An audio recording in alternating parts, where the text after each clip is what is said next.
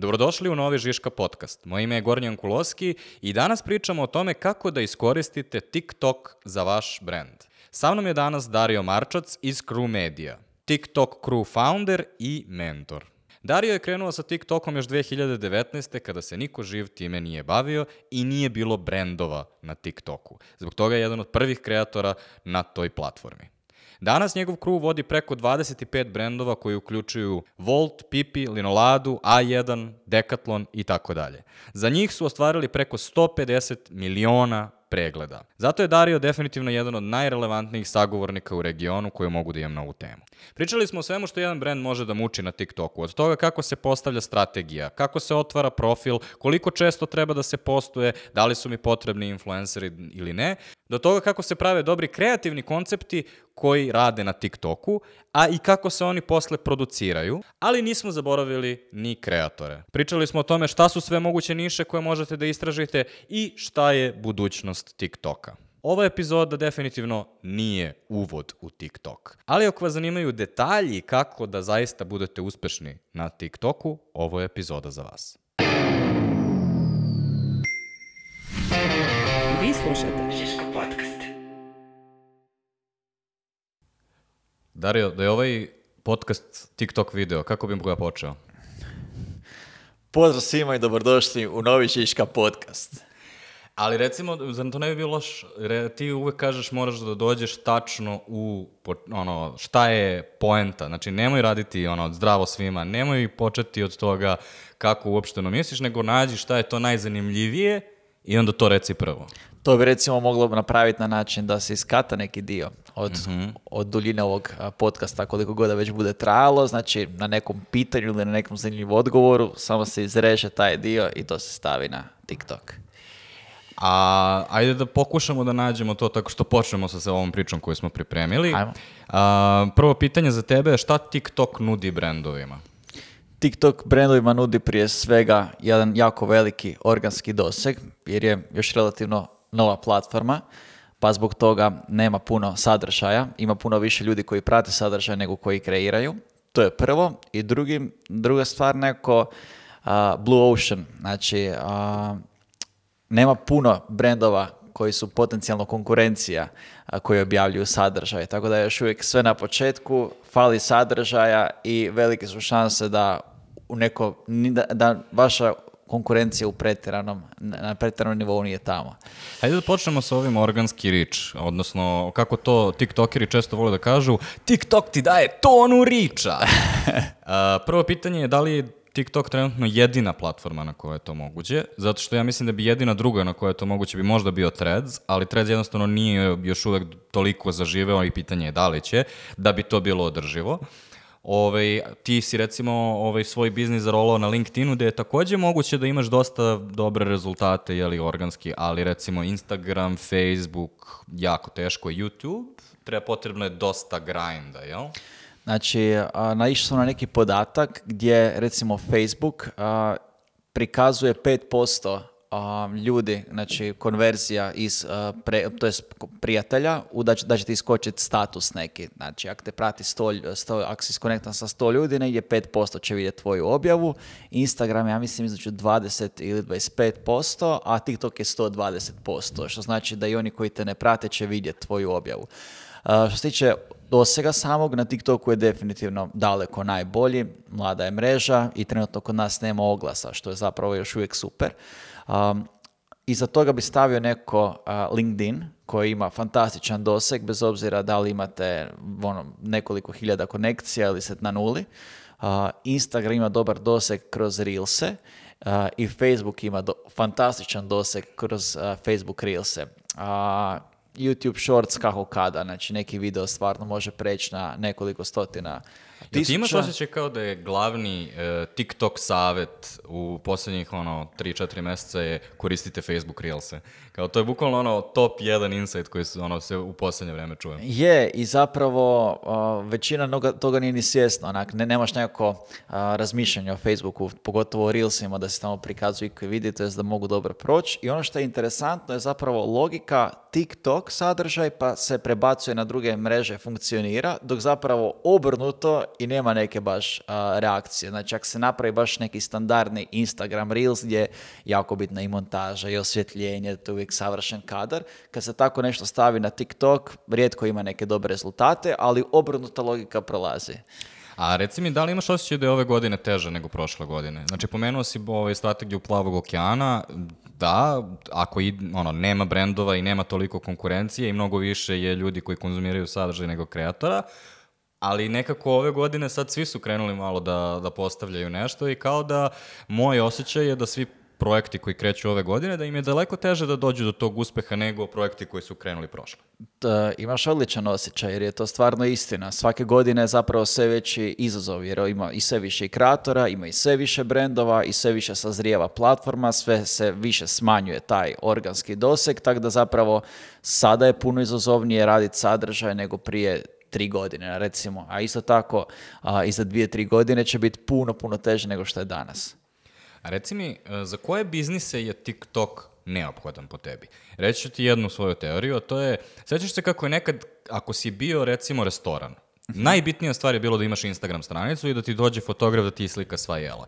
Danas, ako ti ne dođe, ne znam da znaš ko je huge staff, ovaj, koji je, mhm. da, ovaj, ako ti ne dođe u restoran ili pakito ti ne dođe u restoran, ne, ne postojiš, kao ljudi neće doći. ali imaš taj neki osjećaj?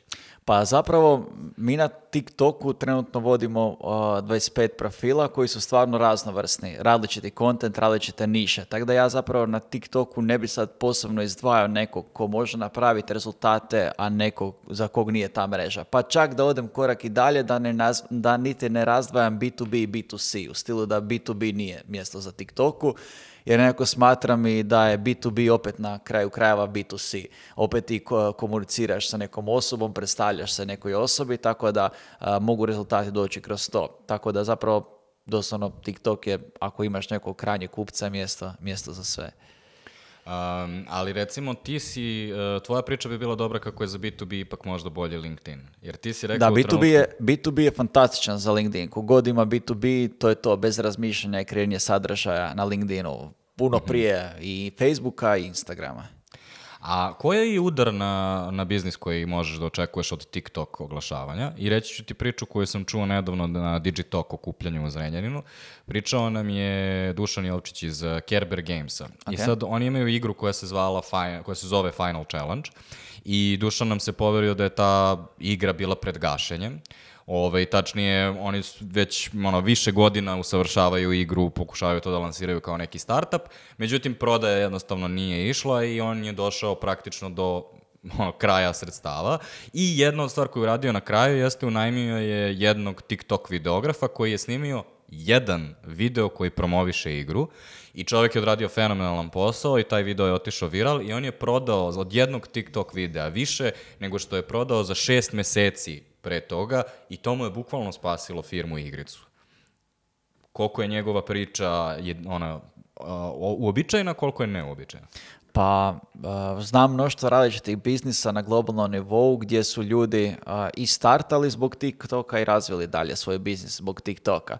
Jer zapravo to je ta priča nekako kak sam i sam krenuo, jer kad sam počeo kreirati sadržaj da sam krenuo recimo isključivo sa YouTubeom ili sa Instagramom, ja ne bi imao 5% sigurno pratitelja koje danas imam baš zbog toga što, ne znam, krenu danas na Instagramu je, stvarno trebaš biti hrabar, stvarno se trebaš odvažiti da nemaš niti jednu drugu platformu, a naravno da nemaš neke budžete za, eh, za oglašavanje. Tako da to je baš onak lijep iskorak i ne mora nužno znači da ako si ti pred zatvaranjem i da će ti TikTok spasiti život jer treba snat kreirati sadržaj i drago mi je čut da je ovako isfunkcioniralo da je na kraju ta priča krenula jer je očito dokaz da se može. Ako je dobro vid video kreiran, ako ima lijepi call to action, očito se mogu napraviti rezultati. A koliko hejta osjećaš da postoji prema TikToku? Ti ga recimo prodaješ mnogo češće nego ja. Ja kad god sam pro, ovaj, pokušao, ja vidim kako ljudi krenu da kulutaju očima. Kad god ga pomenem na LinkedInu, uvek se ljudi jave u komentarima to je mjesto mesto gde se klinci samo zezaju, tu nema ono, nikoga preko 30 godina i tako dalje. Ne samo da ljudi imaju pogrešne pretpostavke o TikToku, nego kao da postoji neki, ono, kao da ih čačneš nekako, kao da ih trigiraš, kao da su besni zbog toga što TikTok, ono, neki ljudi uspješno posluju na TikToku? Pa zapravo ja se uopće niti ne trudim prodavati ili na taj način prezentirati jer nema smisla. Jednostavno, nakon možda prezentacije, nakon edukacije ljudi, nekom će kliknuti, vidjeti kao priliku i prostor za sebe, za svoj biznis, za svoj brand, a neko jednostavno neće. To je zapravo više do individualaca koji vide ili priliku u nečemu ili ne vide. I to je zapravo to. A što se tiče samog ono, prezentacije i promocije TikToka u stilu da su tamo klinci, zapravo po zadnjoj sad statistici, od maloljetnih do 40 godina je gotovo ravnomjerno raspoređena publika. Dakle, hoćeš naći nekog od 17 godina, su gotovo iste šanse da, da ćeš pronaći osobu od 37. kada se to promijenilo? Za vrijeme korone. Tada se sve promijenilo se publika. Ja mislim da su ljudi tražili nešto drugačije, neku nekakav možda izvor novih informacija, inspiracija, zabave, šta god već ono zbog čega ljudi dolaze na TikTok, tada se promijenila publika i automatski se mijenja i sadržaj. Ja sam za vrijeme korone morao promijeniti svoj sadržaj, jer ja sam prije korone, zbog publike koja je bila tamo, više bio fokusiran na mlađu publiku. Imao sam sadržaj namijenjen njih, možda neke zagonetke, skečeve i tome te stvari, ali kad sam ja vidio kako, ono, da sve, manj, da sve više pada broj pregleda, da ima sve manje reakcije, ja na takve ide, morao sam hitno promijeniti kontent. I nažalost, dobar dio kreatora se tada nije uspio promijeniti, pogotovo oni koji su bili više fokusirani na plesove i takav sadržaj i oni su, da ne kažem propali, ali nemaju ni približne rezultate kao što su imali prije korone. Pa primjer koji, koji je najbolji za to je Charlie D'Amelio, koja je jedno vrijeme bila najveći kreator na TikToku, a danas Točno. No, mislim, postoji vjerovatno. A postoji, onaj i dalje kreira, ima onaj, to je ipak ja mislim on ima oko 100, preko 100, 100 miliona pratitelja, to je i dalje ono ogromna baza da ti samo tak teško da nestaneš. Ali, evo, vidiš i sam, ne znaš kad ti je puta iskočila na For You page ili kad si uopće razmišljao zadnji put o njoj. Tako da, da, to je neko kontent koji je bio prije i jako je izazovno i važno se prilagoditi publici i razvoju platforme. Um, ako, vidiš, interesantno je kako mi to posmatramo, zato što nemamo zaista podatke jer kao još uvijek nije krenulo oglašavanje i onda nemamo nikakav zvaničan podatak. Mi u stvari gledamo šta su kreatori i šta kreatori pričaju i onda recimo ja um, ovaj, kada gledam na primjer doktora Aleksa Matića koji kod nas radi nutricionizam i mhm. objašnjava ljudima ono, na primjer, njegov krstaški rat protiv aspartama, odnosno za aspartam protiv zabluda o aspartamu traje već šest meseci i meni to ono mega zabavno da gledam.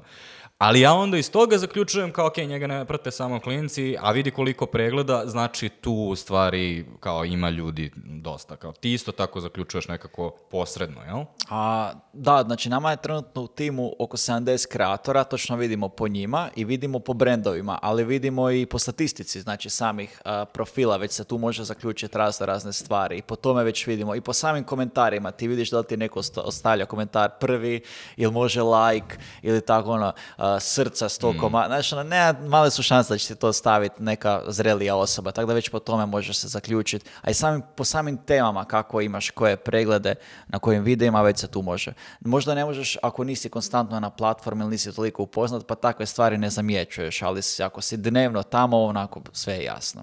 A ako ste radili to, onda ste sigurno radili nešto što smo mi također radili, a to je pokušali smo da provalimo koliko ljudi naših ima na TikToku. I kad kažem našim, baš mislim kao regionalno, zbog mhm. toga što ono što u stvari radimo je, aha, ljudi koji bi razumeli ovaj jezik, to su ljudi koji, i onda možeš da uđeš posle u statistiku pa ti onda breakdown, da li je to bilo u Srbiji, Hrvatskoj i tako dalje. I onda vidiš recimo ako imaš video koji ima milion i po pregleda, mhm. a od toga je ono, 70% iz uh, Srbije, onda ok, nisam sigurno došao do svih, znači mora da ih ima više od milion i tako dalje. Ste radili tako neku šacometriju? nismo išli u detalje oko toga. Znači, da, ne, ne, nismo, nismo išli u detalje što se tiče samih regija, da bi razvajali Hrvatska, Bosna, Srbija, ili zapravo da bi ih sve skupili, pa da bi od, toga otprilike izračunali, ako nismo išli baš u detalje. Gledali smo tipa na nekom globalnom nivou, pa po nekim državama u, oko, ono, oko, u okolici, po tome nekako pokušali doći do nekog postotka, ali nismo se bacili baš u detaljnije istraživanje koliko je sad korisnika po samoj po samoj državi. Mi jesmo više puta i ja bih se baš žestoko iznenadio ako bi u Srbiji bilo manje od milion ljudi koji koristi TikTok. A da ti kažem pandan, pošto ovaj, to je recimo, Instagram bi došao trenutno negdje do po do 3 miliona. Znači, mhm. ono, 30 do 40% Instagrama. Mhm. E, ono što je sad velika razlika je to što nam govore i brojevi koje imamo, a to su brojevi iz inostranstva. Ljudi na TikToku potroše mnogo više vremena. Znači, na TikToku si sat vremena, na Instagramu si 15 minuta. Točno, točno, točno. Jer zapravo Um, a neko opet polazimo od nas, pa onda i po tome može zaključiti neke stvari.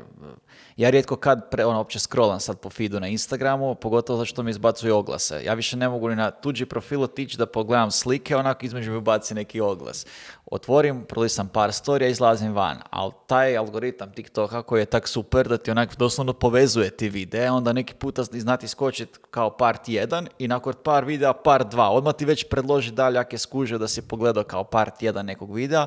Tako da da, ta informacija gdje ono ljudi 57 minuta provode dnevno na TikToku je fascinantna. A to što si rekao je isto jako interesantno zato što Adamo seriji nedavno je imao seriju gostovanja po podcastima i pričao je o Tredzu koji su oni uh I e, kaže, video je najgora stvar za kompaniju koja pravi društvenu mrežu. Jer ako ti 8 sekundi gledaš video, ti bi scrollovao četiri puta na Instagramu za to vrijeme i video bi jedan oglas.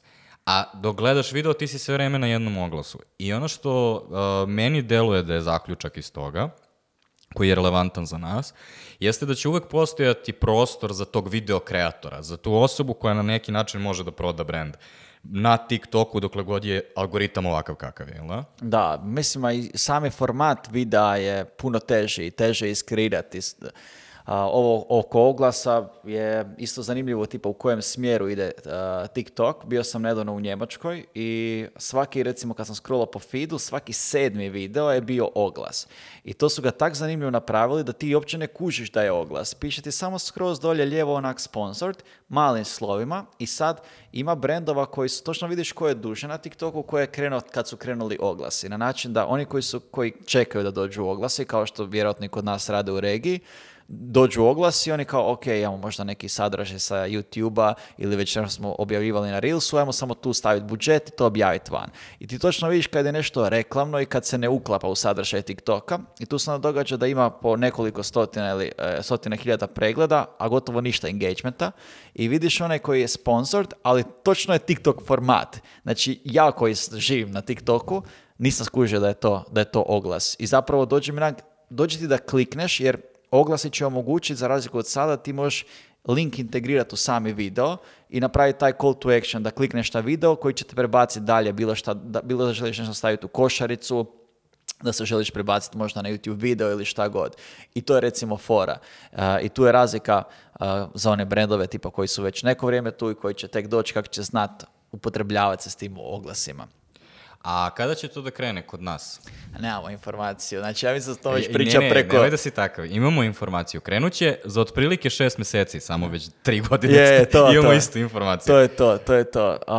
I ne znam, ja bih volio saznati od osobe koja kaže Garan kreće tada, jer evo ja, ja ne, pokušam doći do informacije, nemam informaciju, ali ono što sam skužio da lagano uh, TikTok na nekim svojim stranicama uvodi naš jezik.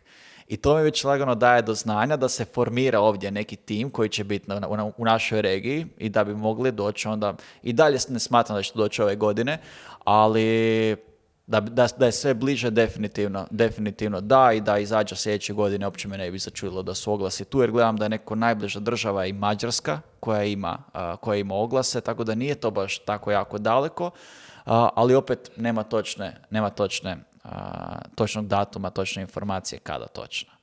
Um, da li se sjećaš jedno vrijeme su pustili business menadžer bili i mhm. onda si mogao kroz Facebook da pustiš oglas mhm. na TikTok mm-hmm. i onda su nas uh, zapljusnuli. sjećam se da su kod nas je bio Heineken i Chipsi su to ovaj, uspešno sproveli, međutim nije zaživelo. A meni je da sam ovu priču čuo već ranije. kada je krenuo Instagram, pa je onda smo zamišljali kako će izgledati Instagram oglašavanje, onda su fotografi zamišljali kako će to biti veoma optimizovan sadržaj, kako brendovi moraju da naprave poseban sadržaj za Instagram oglase i tako dalje. Da li će ovaj put biti drugačije? Ili, kada budu pustili oglašavanje, onda ćemo svi da samo stavimo kupi naš novi proizvod sa 30% popusta i to ću da kažem u kameru kao da imam bumper na TV-u, ali ja plaćam da to dođe do tebe i to je dobro. To, to mi je bila situacija recimo kad sam bio u Egiptu. Znači samo mi je skakalo oglasi o nekretninama i to su baš napadni oglasi. A što uopće ne sumnjam da će biti i ovdje ista situacija, pogotovo zbog količine ljudi koji ne razumije TikTok i platformu koji će baš napadno ići sa oglasima i mislim da će u početku TikTok krenuti lagano, znači sa tom, svaki sedmi video, svaki deseti video, ali me ne bi čudio, znaš ono, kad gledamo onako iz pozicije platforme, ljudi koji žele zaraditi na tome, da će oni to ubacivati sve češće i sve češće, a sad točno kojim redosednom, kako, koliko, ali i sam Instagram kako je krenuo pomalo pomalo, a gle sad, sva, znači ne možeš više ni svajpat par storija, već ti iskoči neki oglas. Ne bi me čudilo da kroz neko vrijeme tako se nešto pojavi i na TikToku, da čak odeš na profile od ljudi koji objavljuju sadržaj, listaš nekoliko videa, pa na njihovom čak profilu dođe do oglasa. Um, a reci mi, um, kako, da poč- kako da napravim dobru strategiju za TikTok? Odakle počinjem? Ajde, prvo pitanje koje mi pada na pamet je Jel moram da otvorim profil? da, to je bilo poželjno. Znači, ako želiš prezentirati sebe kao brand ili svoju kompaniju, prvi korak je zapravo otvaranje vlastitog profila. I onda u tom slučaju dolazi do toga da postaviš neko jedan prvi korak i svoj username. Uh, uvijek mi je prijedlog da se spoji recimo što više sa Instagramom ili sa drugim društvenim mrežama, da, da, je sve povezano, da nemaš neki drugačiji username koji, gdje ljudi kad te traže recimo preko Instagrama da te ne mogu uopće pronaći na TikToku nakon toga dodavanje neko profilne fotografije i uh, TikTok je specifičan po tome što ima isto jako kratak opis. Znači ti imaš do 80 znakova koje možeš staviti u svoj opis da možeš prezentirati cijeli svoj profil i obzirom na to da je baš jako dinamična mreža, ljudi inače svajpaju da dođu na tvoj profil i par sekundi ti daju prostora da, ih, da im prezentiraš o čemu se radi.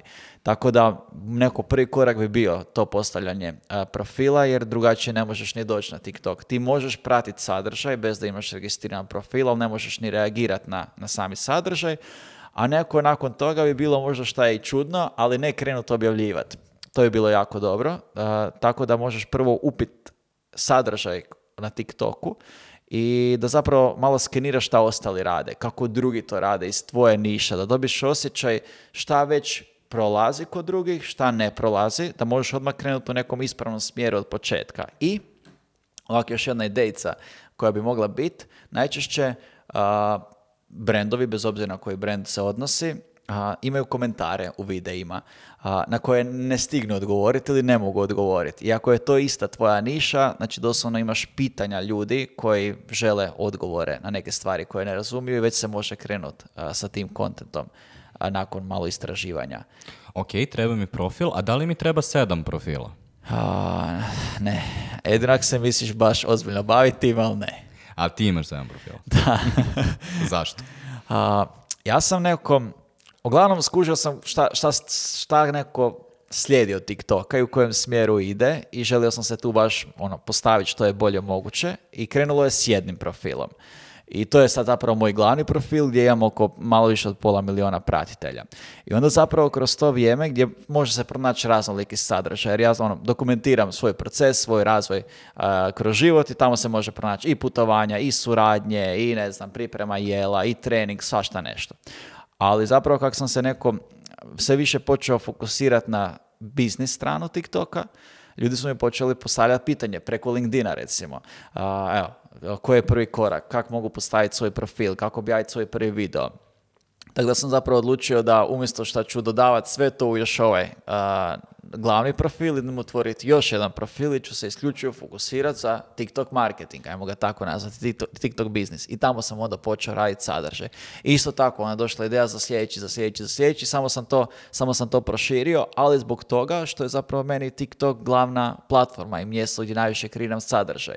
Ja svako ne bi to preporučio ljudima, ja sam na TikToku evo skoro četiri godine, a ti novi profili su došli nakon gotovo, znači tri godine sam gradio jedan, onda su krenuli krenuli i ostali. Ako se u početku raspršiš na sve moguće različite teme, čisto sumnjam da će se uspjet e, održati. a koji je odnos između profila i publike? Ovaj, odnosno, mi svi znamo da si ti Dario Marčac, bez obzira što imaš Dario Marčac, imaš Marčac Dario, to je isto osoba. Jasno. A, ali kao, gde je tu ta ono, veza, šta njih drži na okupu i da li su to te niše o kojima si pričao? Rekao si jedna od stvari, prvo krenite sa istraživanjem i pokušajte da nađete vašu mhm. Mhm. nišu. I sad jedan tvoj profil je u niši, mm ovaj, u poslovnoj niši TikTok me interesuje kao poslovni alat, a drugi je, ja sam klasičan influencer. Da mhm. a, pa zap, čekaj, pitanje? da li je niša ta koja određuje da li ja imam profil ili ne? A, ne nužno. Znači ti kao ti si već svoja niša. Znači sve što god objaviš na svom profilu, sve šta god napraviš, to si ti. To može biti jedan dan snimanja podcasta, pa onda objaviš to, pa onda nakon posla ti voliš jako otići na kavu, snimiš kako ideš na kavu i ono, podijeliš to s ljudima. odeš na, na ručak, imaš psa doma koji se zove Bobi, pa radiš konto oko njega, pa voliš u slobodno vrijeme trčat, pa snimiš nešto vezano, to si sve ti. I sve na tim različitim nišama, različitim stvarima zapravo čini jednu veliku, a to se ti kao, to se ti kao brand i ljudi se mogu zapravo povezati na različitim stvarima. Ja bih čak rekao da što imaš šire područje, Eh, interesa i zanimanja, to su veće šanse da ćeš s nekim kliknut. Evo recimo, ja sviram klavir i kad već neko drugi svira klavir, već imamo instant istu temu a, o kojoj možemo pričati i ta jedna tema gdje imamo poveznicu će, vas će nas već dovesti do druge, treće i četvrte. Mi možemo na kraju pričati TikToku, a da ta osoba ne voli TikTok od samog početka, samo zato što imamo tu neku dodirnu, dodirnu točku. Tako da, meni neko razgovor o temama mi je previše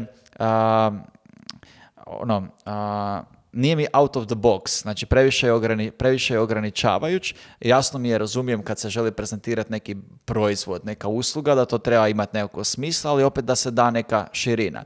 A, ako ljudi se bave isključivo ako vole kuhat, imaju prostora snimiti neki drugi sadržaj u samo kuhanju. Kako izgleda tvoj dan kad ne kuhaš? Zašto ne dodat tako nešto? Zašto se isključivo i samo fokusirati na recepte?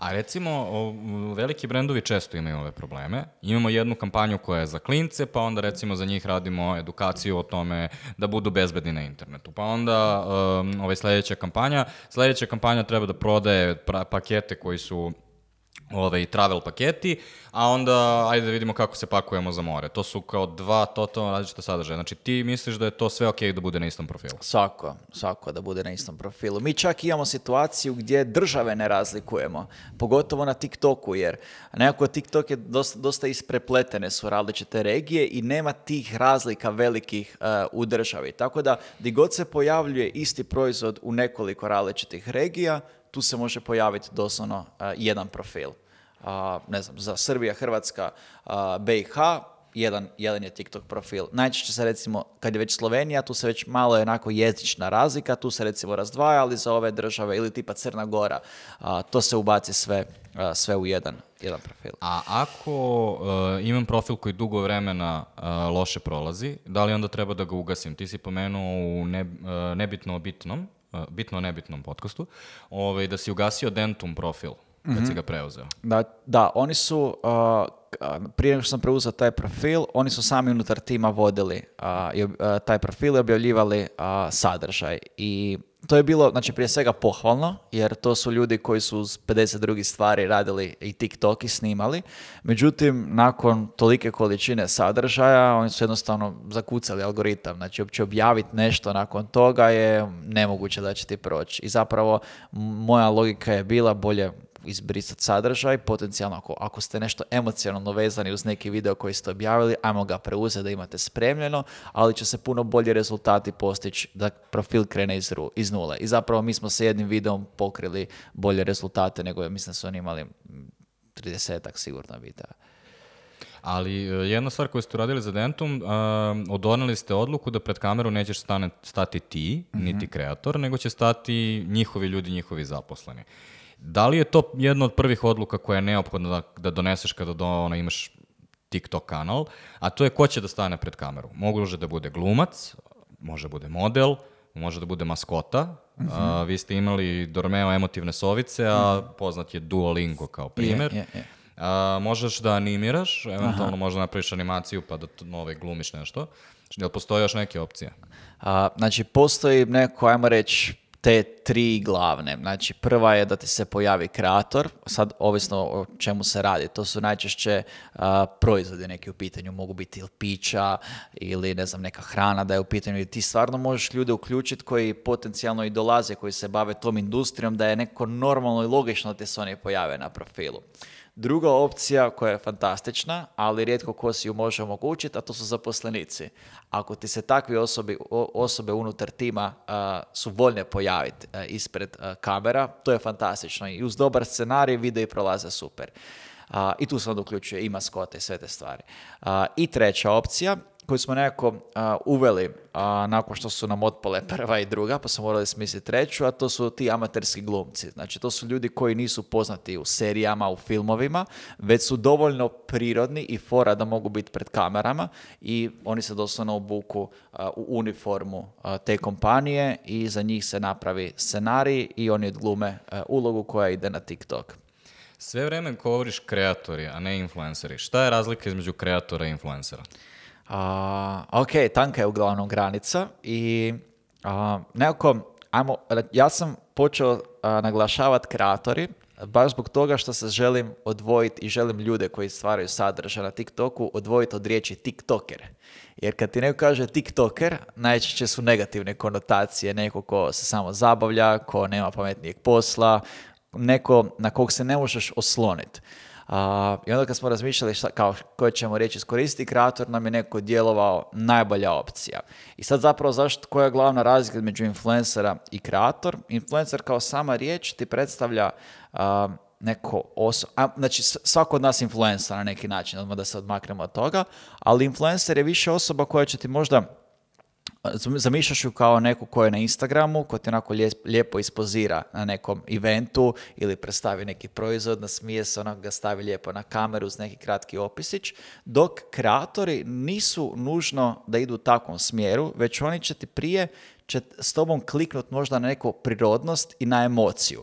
A, influencer koji se bavi kuhanjem će to sve lijepo divno sve pripremiti, nasmijati se, pokazat ovo, divno će to izgledat, dok nekako kreator će više prikazat realnu sliku koja je, pa će malo hrana biti tu zbacana, pa će ti malo krpa biti prebačena na ovu drugu stranu, pa će ti malo biti razliveno, tako da se nekako ljudi puno lakše mogu povezati sa njima. I kreatori mogu, a i ne moraju nužno imati velike brojke na TikToku, mogu imat 100.000 plus, ali mogu imati 2-3 hiljade koji imaju sa svojim sadržajem čak i bolje rezultate nego neko sa većim brojkama. Jer na TikToku je super stvar što ne mora, nema nužno tih pravila da ti se automatski broj pratitelja povezuje sa pregledima koje ćeš imati na profilu. Tako da ljudi sa manjim brojem pratitelja mogu imati bolje preglede nego neko s većim. A da li onda postoje influenceri na TikToku? A mislim, to su najčešće ih povezujemo s ljudima koji dođu sa drugih platformi kao što je Instagram i um, nekako ih vidimo kao osobe koje ne nužno pričaju nešto pred kamerom, nego možda snime različite kadrove, prikažu možda neke odjevne kombinacije, tu se najčešće povezuju u tom lifestylu i stave uh, glazbu preko toga.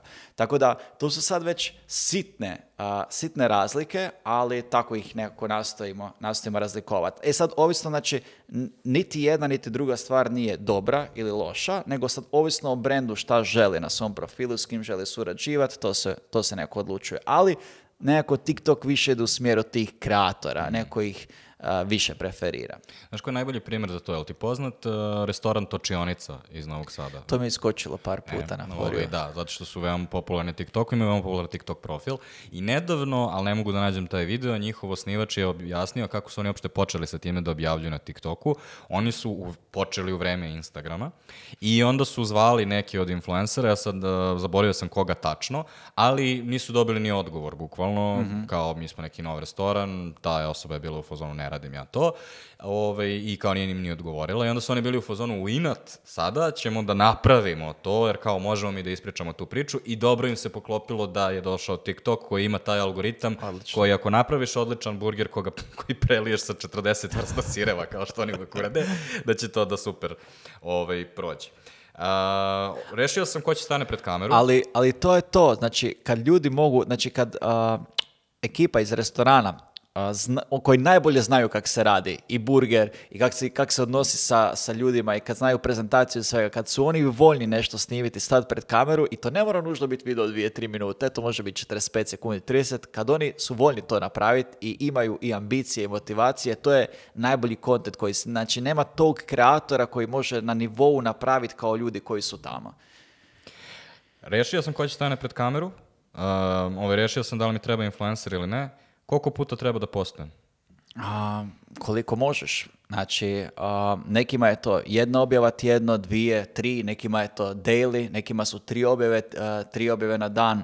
Zapravo sve ovisi o, o tebi kao osobi ili kao brendu sa nekim dugoročnim, dugoročnim ciljem. Nekako mi sa brendovima s kojima radimo imamo neke tri najčešće preporuke. To je jedna objava tjedno, to jest nedeljno, dvije ili tri i ta, to je najčešće. Znači, ajmo mhm. reći, osam objava mjesečno je neki često što se zna, zna pojaviti. Da li to znači da su prošli oni dani kada je bilo neophodno raditi tri dnevno? A, mislim, nisu, to su sve stvari koje se mogu i danas raditi i koje će ti donijeti puno brže rezultate. E sad, sad je pitanje koliko ti imaš energije i vremena da investiraš u nešto ili novaca, to je samih resurse, resursa, resursa, resursa, nešto na ovaj, za TikTok. Tu je sad neki taj, taj omer. Ali ako neko može raditi tri na dan, sigurno će brže napredovati nego neko ko objavi. Ali to jeste dosta bitno strateško pitanje na što se odlučiš a priori. Daću ti primjer, recimo mi to ovaj, gledamo jedan od velikih uh, uspeha, ja verujem, na TikToku je postigla neoplanta. Neoplanta, ako mhm, ne znaš, mhm. su uh, e, suhomesnato, mhm. znači kobasice i ovaj, paštete i tako dalje. Imaju serijal koji ima sigurno dvadesetak nastavaka, zove se Priče uz meze. To je daska za, me, za sečenje i žena ređa onako kobasicu, ona šnit po šnit, onako jedan, dva, tri i priča i meni su došli drugari od mog sina i ja sam nisam znala šta da im posložim. Pa onda sam uzela ovo i onda malo buta, zato što sam se setila da moja komšnica ima dobru butku. I tako nešto, ono, znaš, je, kao neka pričica. I sad fore, oni imaju 20 tih. Uh, 19 ili 18 tih imaju možda ono, 6000 pregleda.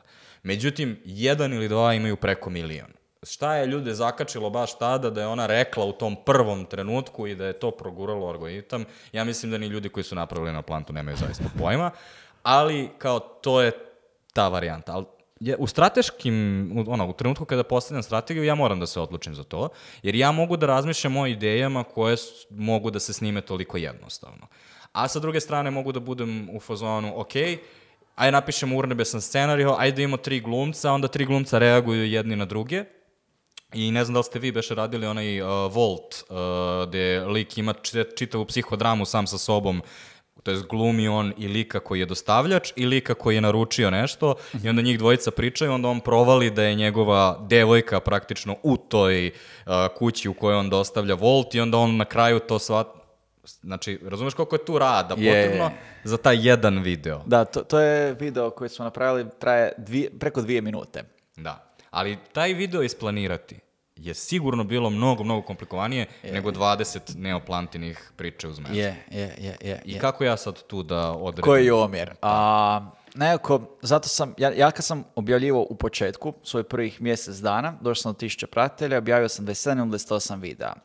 U drugom mjesecu rada i u trećem sam objavljivo oko 20 do 25 dnevno a, sa, on vida, kako bi dobio, jer ja još tada kad sam krenuo s TikTokom niti je bilo informacija, niti je bilo išta o algoritmu, i niko, niko išta nije znao i meni nije ništa drugo preostalo nego na svom iskustvu naučiti. I ono što je meni sve to, ja sam ono, pokušao raditi, evo, išao sam ekstremno pa raditi 20 videa dnevno, išao sam na jedan tjedno, i išao sam ono, objavio tu jutro popodne, na večer, u četiri ujutro, a, svašta nešto testirano. I uglavnom zapravo zaključak je taj da kvalitet, da ti što više moguće ideš na kvantitetu, jer kvalitet odlučuje publika i ne možeš po tome ništa napraviti. Znači, nema razloga zašto ovih, od ovih 20 videa 19 nije prošlo ili 18, a 1 ili 2 je prošlo. Jedino što se ti kroz sad, količinu sadržaja daješ mogućnost da imaš veće šanse da da ti neki video prođe. Umjesto 20 videa oni su mogli snimiti tri videa i zaključiti da taj kontent uopće ne prolazi, nema smisla i ne bi došli do, do ovaj jedan ili do ovih dva koji su, koji su buknuli. Tako da biti strpljiv i koliko možeš proizvoditi više sadržaja, ali opet da je to nekoj granici normale, da ti možeš sebi garantirati da ćeš i nakon dva, tri mjeseca tako nešto uspjeti nastaviti nastavit raditi. Tako da evo, to je to. Kvalitet odlučuje publika, na nama je da proizvodimo sadržaj, a već kroz neko vrijeme mi možemo otprilike procijeniti šta bi moglo na nekom profilu proći, a šta ima malo manje šanse. Recimo da smo ispali sada jako pametni i objasnili ljudima kako treba da naprave strategiju, a koliko često treba da je menjaju na TikToku? Koliko često se dešavaju promene strukturalne na TikToku? Ti si pomenula jednu, kad se desila korona. Ona je mhm. totalno promenila šta mhm. je TikTok uopšte. Mhm. Promenila je ko su ljudi koji dolaze. Koliko često se to dešava?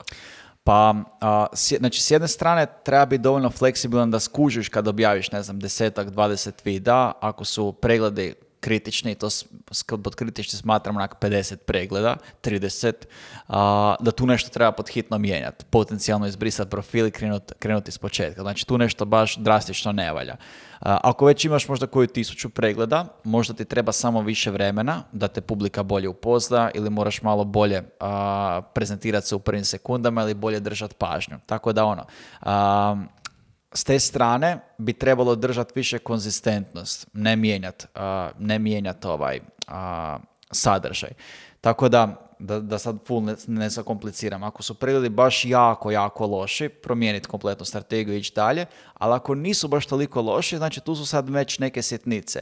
I jako puno odigrava ulogu povjerenje koje publika ima prema tebi i već šta očekuje od tebe. Ako ti njima stalno pristupaš kao neki drugi lik sa totalno drugačijim mindsetom i načinom govora, oni neće znati više što točno reagira. Znači to si ti, to je tvoj karakter, prezentiraj se već kako bi se inače prezentirao. I opet tu dolazi ulogu to iskustvo. U početku si vjerojatno malo onak stisnut, znači kako ćeš se prezentirati, kasnije tu već imaš slobodu. Ali opet to ljudi razumiju ovaj, kada gledaju tvoje početke, kako se to dalje razvija. Tako da evo, ja se nadam da sam uspio odgovoriti, pokušavam pokriti ono više, više različitih područja, da ne, odgovorim samo ne, držite se, držite se svoga, jer možda neka treba promijeniti. Ali neki puta treba jednostavno nastaviti objavljivati dalje i ljudi će te već prihvatiti takav kakav jesi i može ti baš taj 18. 19. video pogurat a sadržaj, pogurat tebe, drugi će saznat za tebe i tu ćeš onda krenut od tog već videa. Znaš ono kada ljudi kažu ti se samo snimaš za TikTok i ono što sam ja pod, kroz podcast naučio je koliko je u stvari teško čim se upali kamera, čim ljudi ono, nekako se promeni vazduh u prostoriji, ljudi promene način na koji pričaju mm i imaš, ono, ćaskaš sa ljudima, sve je super i onda kažeš e, dobrodošla u pot, ono, dobrodošao u podcast i ljudima samo totalno se promeni zvuk i tako dalje. Još gore, kada pokušavaš da se snimaš frontalnom kamerom i onda u nekom trenutku recimo prvo što shvatiš je da konstantno gledaš u ekran i da se to vidi na snimku i da ti mhm. izlaš kao idiot koji kao gleda dole sve vreme. A pored toga ta količina krinđa koju ti osjećaš konstantno jer pričaš sa telefonom je neverovatna. Kao mislim da ljudi to žestoko pocenjuju. Meni, ja sam nedobro krenuo se bavim ovaj, TikTokom ili kao da, da istražujem nešto, ja još uvijek se nisam navikao, ja recimo dva meseca već pokušavam to. Koliko je tebi trebalo da se navikneš da ono u meni je trebalo baš isto dugo. A, ja kad bi, kad bi se, ako bi se tak mogu usuditi reći da i meni još uvijek ja moram iz, ono, ući u, u, sami, sami na, taj kreatorski dio izradu sadržaja. Toliko je to, to je kao mišić, znači moraš ga konstantno trenirati i vježbati i kreatori dan danas imaju s tim problema. S time da mi smatramo da neko ko snimi sadržaj tipa iz sobe može ga snimiti vani. E, koliko njih sam upoznao da imaju po nekoliko stotina hiljada pregleda, pratitelja, i idemo snimiti vani jedan video na ulici, blokada totalna, ne mogu se snimiti pri ljudima i nema šanse. Znači ja sam ono introvert i ne mogu pred drugima i gotovo blokada. Ja sam to doživeo isto i tada sam razumeo jednu stvar. Znaš zašto je toliko tiktokera koristi kola? Zato što imaš instant, gde god da si, imaš svoj mali studio. Da koji je zvučno izolovan da. i ona, ona, ona ima barijera između tebe i ostatka sveta. Ako si na ulici ili recimo ovaj, na Savskom keju gde ja živim, ima jedan lik koji live, verovatno Instagram live, vozi rolere kroz ono Savski K i čovjek je na live sve vrijeme i priča sa ljudima i ono glasno, znaš ono, pošto je na rolerima, prođe pored tebe, čuješ samo Zdravo svima! Ja sam u fazonu, ti si monstrum. Kako uspevaš to? Nemoguće. Ali to je, to je još nama i našim generacijama i zonama mada se pokušavamo naviknuti, ali Gen Z i mlađima to je već toliko normalno i toliko običajeno, pogotovo kad ti njih popratiš kako oni snepaju na sve strane, slikaju ovo. Nama je to više onako, kao, znaš, ono, trebamo slikati glupovi ono, glupo mi ono. A, šta će poslikati, kako će ljudi reagirati, tako da da, baš je izazovno i a, to što neko već radi duže vrijeme, ima puno vida, ne znači da mu je išta lakše. Eventualno si je malo prilagodio okolinu, pa je tu kao, pa, ono, maksimalno je unutar komfort zone, pa tu može nešto snimiti, ali je baš, baš teško. Još ti sliku neko možeš upaliti, onak malo se nariktaš ovo ono, pa ih lupiš pet, pa onda izbrišeš ovo, pa malo te, te ali video je baš, baš zeznuto. I možeš, i normalno je da u početku se ispadneš cringe, to je sve ok, i svi to tako imamo i svi to tako radimo, ali na kraju rezultat naprave oni koji se uspiju usprkos toga uh, održati u kreiranju daljnjeg sadržaja. E sad, prije nego što pređemo na kreativu, kako da napravim dobro TikTok kreativu, ajde objasni ljudima šta je TikTok crew i kako mi pomaže da napravim sadržaj. TikTok crew je e, zajednica Probrani kreatora koju sam e, osnovao zajedno sa Dijanom, znači partnericom koja je direktorica Kruva, e, prvog četvrtog prošle godine, znači zajednica je tu godinu i otprilike tri mjeseca. I imamo tri glavna cilja. Znači, nasa misija je pod jedan stvoriti, znači okupiti pu- kreatore koji imaju dobronameran, pozitivan i family friendly sadržaj kako bi publici mogli ponuditi e, kvalitetan sadržaj i samim time brendovima kvalitetne kreatore s koji se mogu povezati. Druga stvar nam je ponuditi e, kreatorima mogućnost za život posla od kojeg vole raditi, je postoji mnoštvo kreatora na TikToku koji, ono, misliš da po broju pregleda živi ko car, ali stvarno to nije istina, jer do nedavno čak nije bila mogućnost izdarađivati od TikTok live tako da nema zarada od pregleda, jedina njihova zarada je najčešće ili od merča ili od suradnje. I treće je ponuditi brendovima marketinšku platformu snažnu kroz koju se mogu oglašavati. To je neko, kru i zapravo mi djelujemo isključivo i samo na TikToku. To je možda ovako specifično. Znali su nas ono kako vodimo različite profile brendovima, Pita da li radite možda Instagram ili Facebook, ali u tom slučaju uvijek bi odgovor ono, a ne, smatramo da ima možda nekih drugih agencija koji su puno stručni u tome, mi smo baš samo isključivo fokusirani na TikTok. A recimo, jeste vi jedini kru koji postoji u regionu? Ovaj, Jumbus bi bio još jedan, oni su kru isto, ali tako? Um, Nekako mislim da je, da je drugačiji totalno model, model rada. Oni imaju isto neko svoje, svoje smjerove koje, koje odrađuju. Vidim da su ono bazirani isto na snimanje različitih serija i na stvari poput toga. Mi smo nekako više usmjereni ka tome da vodimo profile brendova, da, dosmišljamo strategiju za njih, da izrađujemo kontent koji će ići na njihove profile, radimo neko jednokratne bus, kampanje na TikToku i sve vezano oko radionica, edukacija, zaposlenika i marketičkih agencija za TikTok. Recimo, kod nas postoji Vasić Media koja ima neki kru e, ljudi i onda oni, e, kada naprave kampanju, oni kažu ljudima ovo je brand, ovo treba da se ovaj, iskomunicira i onda ti ljudi e, sami prave ovaj vide i hashtaguju ih i onda mm -hmm. na mhm. osnovu toga možeš da pratiš kampanju. Je li mhm. to neki sličan model ili opet slično, ali ipak različito? A, slično, ali ipak nekako različito. A, mi imamo s jedne strane, znači, core team od nas 17 koji smo baš zaposleni uh, u kruvu i tu su sad i uh, kreativni, ono, kreativni koordinatori i strategisti. Uh, imamo osobu koja je posebno zaposlena da samo odgovara na TikTok komentare. Uh, na, imamo dvije osobe koje su u timu koje isključivo objavljuju sadržaj na TikTok profilima jer ono, negdje u prosjeku mjesečno produciramo oko 200 tinjak videa. To je neko s jedne strane, a s druge strane neko naš biznis model je uh, rad s kreatorima. Znači, trenutno nas je 70, 70 u timu baš od kreatora i zapravo uz pomoć njih sa njima gradimo eh, TikTok profile na način da ili mi pišemo scenarije kao, eh, kao dio vezano za kreativu ili oni pišu scenarije vezano za fokuse i briefove koje dobe. Kako se pravi dobra TikTok kreativa?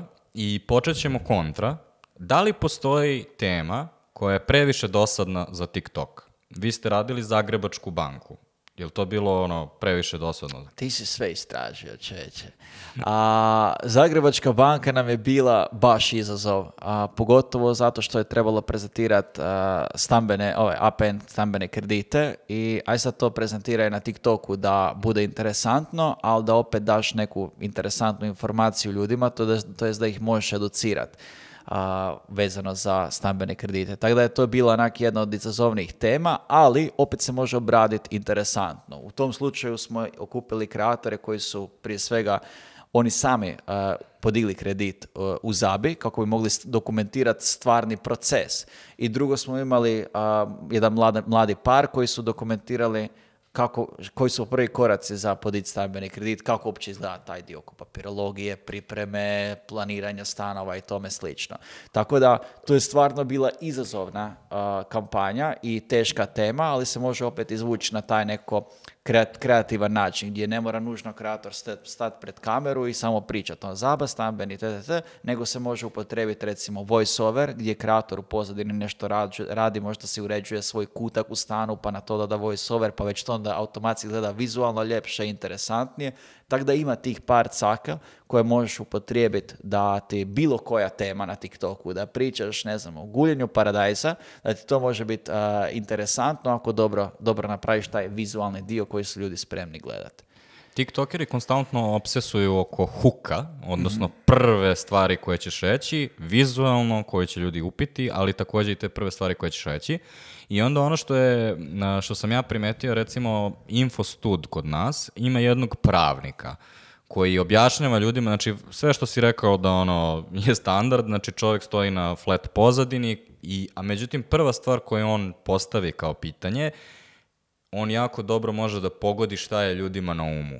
I to je ono, iz nekog korpusa svega ja izvadim najbitnije i prvo te udarim time. To je dosta bitno, ali da? To je to. I sad ne znam koliko osoba ima godina, ali pretpostavljam da je, da je zrelija osoba da.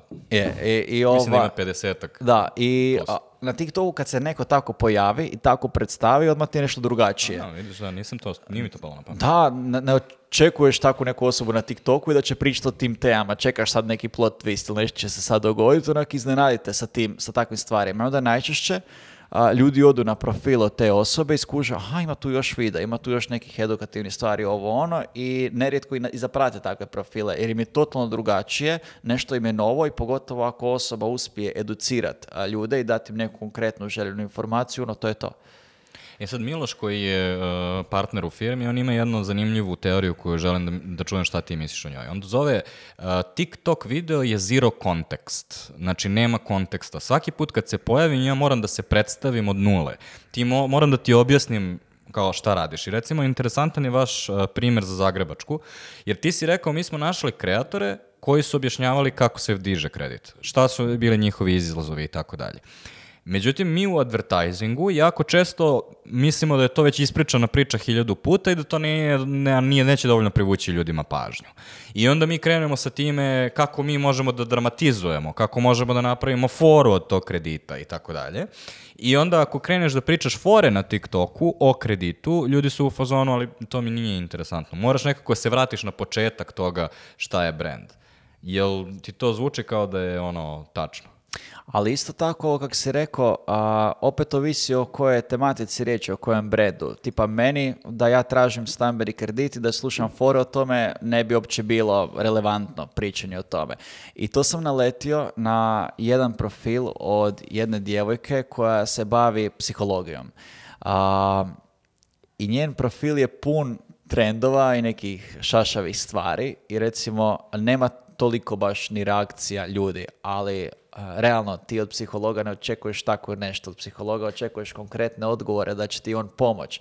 Ja se ne bi dao u ruke takvoj osobi a, da, da mi ona pomaže kad vidim kontent oko toga.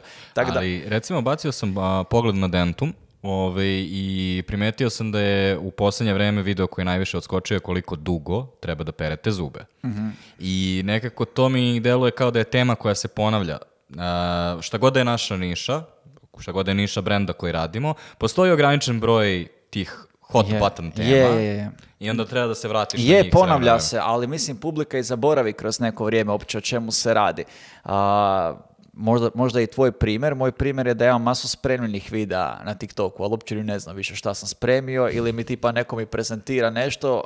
na isti način, samo ono, ista tema, samo malo prilago, druga, drugačiji način iz, njegovog ili njezinog pogleda. I to je već onako drugačiji, ono, drugačija neko slika, neko slika svega toga.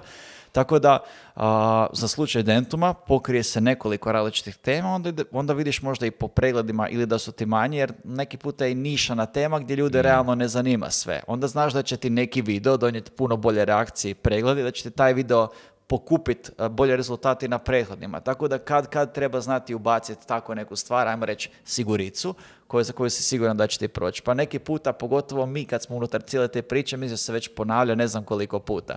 Ali ono, ljudi zaborave ili uopće ne razmišljaju o tome ili ono, dobro je ponavljati. Postoji još jedna stvar koju sam ja primetio, a to je da mi svi kada želimo da pričamo o nečemu, kažemo to malo drugačije. E, zbog toga što je TikTok algoritam takav lud kakav je i onda u slučaju da pogodiš baš super, dobit ćeš milion pregleda. U slučaju da budeš ok, dobit ćeš 10.000 pregleda. I to je ogromna razlika. Ja svaki put kada izbacim video, ja, ono, koja je tačno reč kojom počinjem, kakvu prvu rečenicu, u kojim tonom glasa ću to reći i onda vremenom, tim ponavljanjem, ja svaki put tu priču onako lepše kažem mhm. svaki put i onda me prokine jedan put. To je to. A, šta misliš o trendovima? Kao, recimo, jedan čest pristup je uzmem svoje zaposlene, aha, ok, sada trenutno Pedro Pascal jede sandvič, to je trenutno trend, stavim Pedro Pascala jede sandvič i kao ja kada vidim da se kolege svađaju.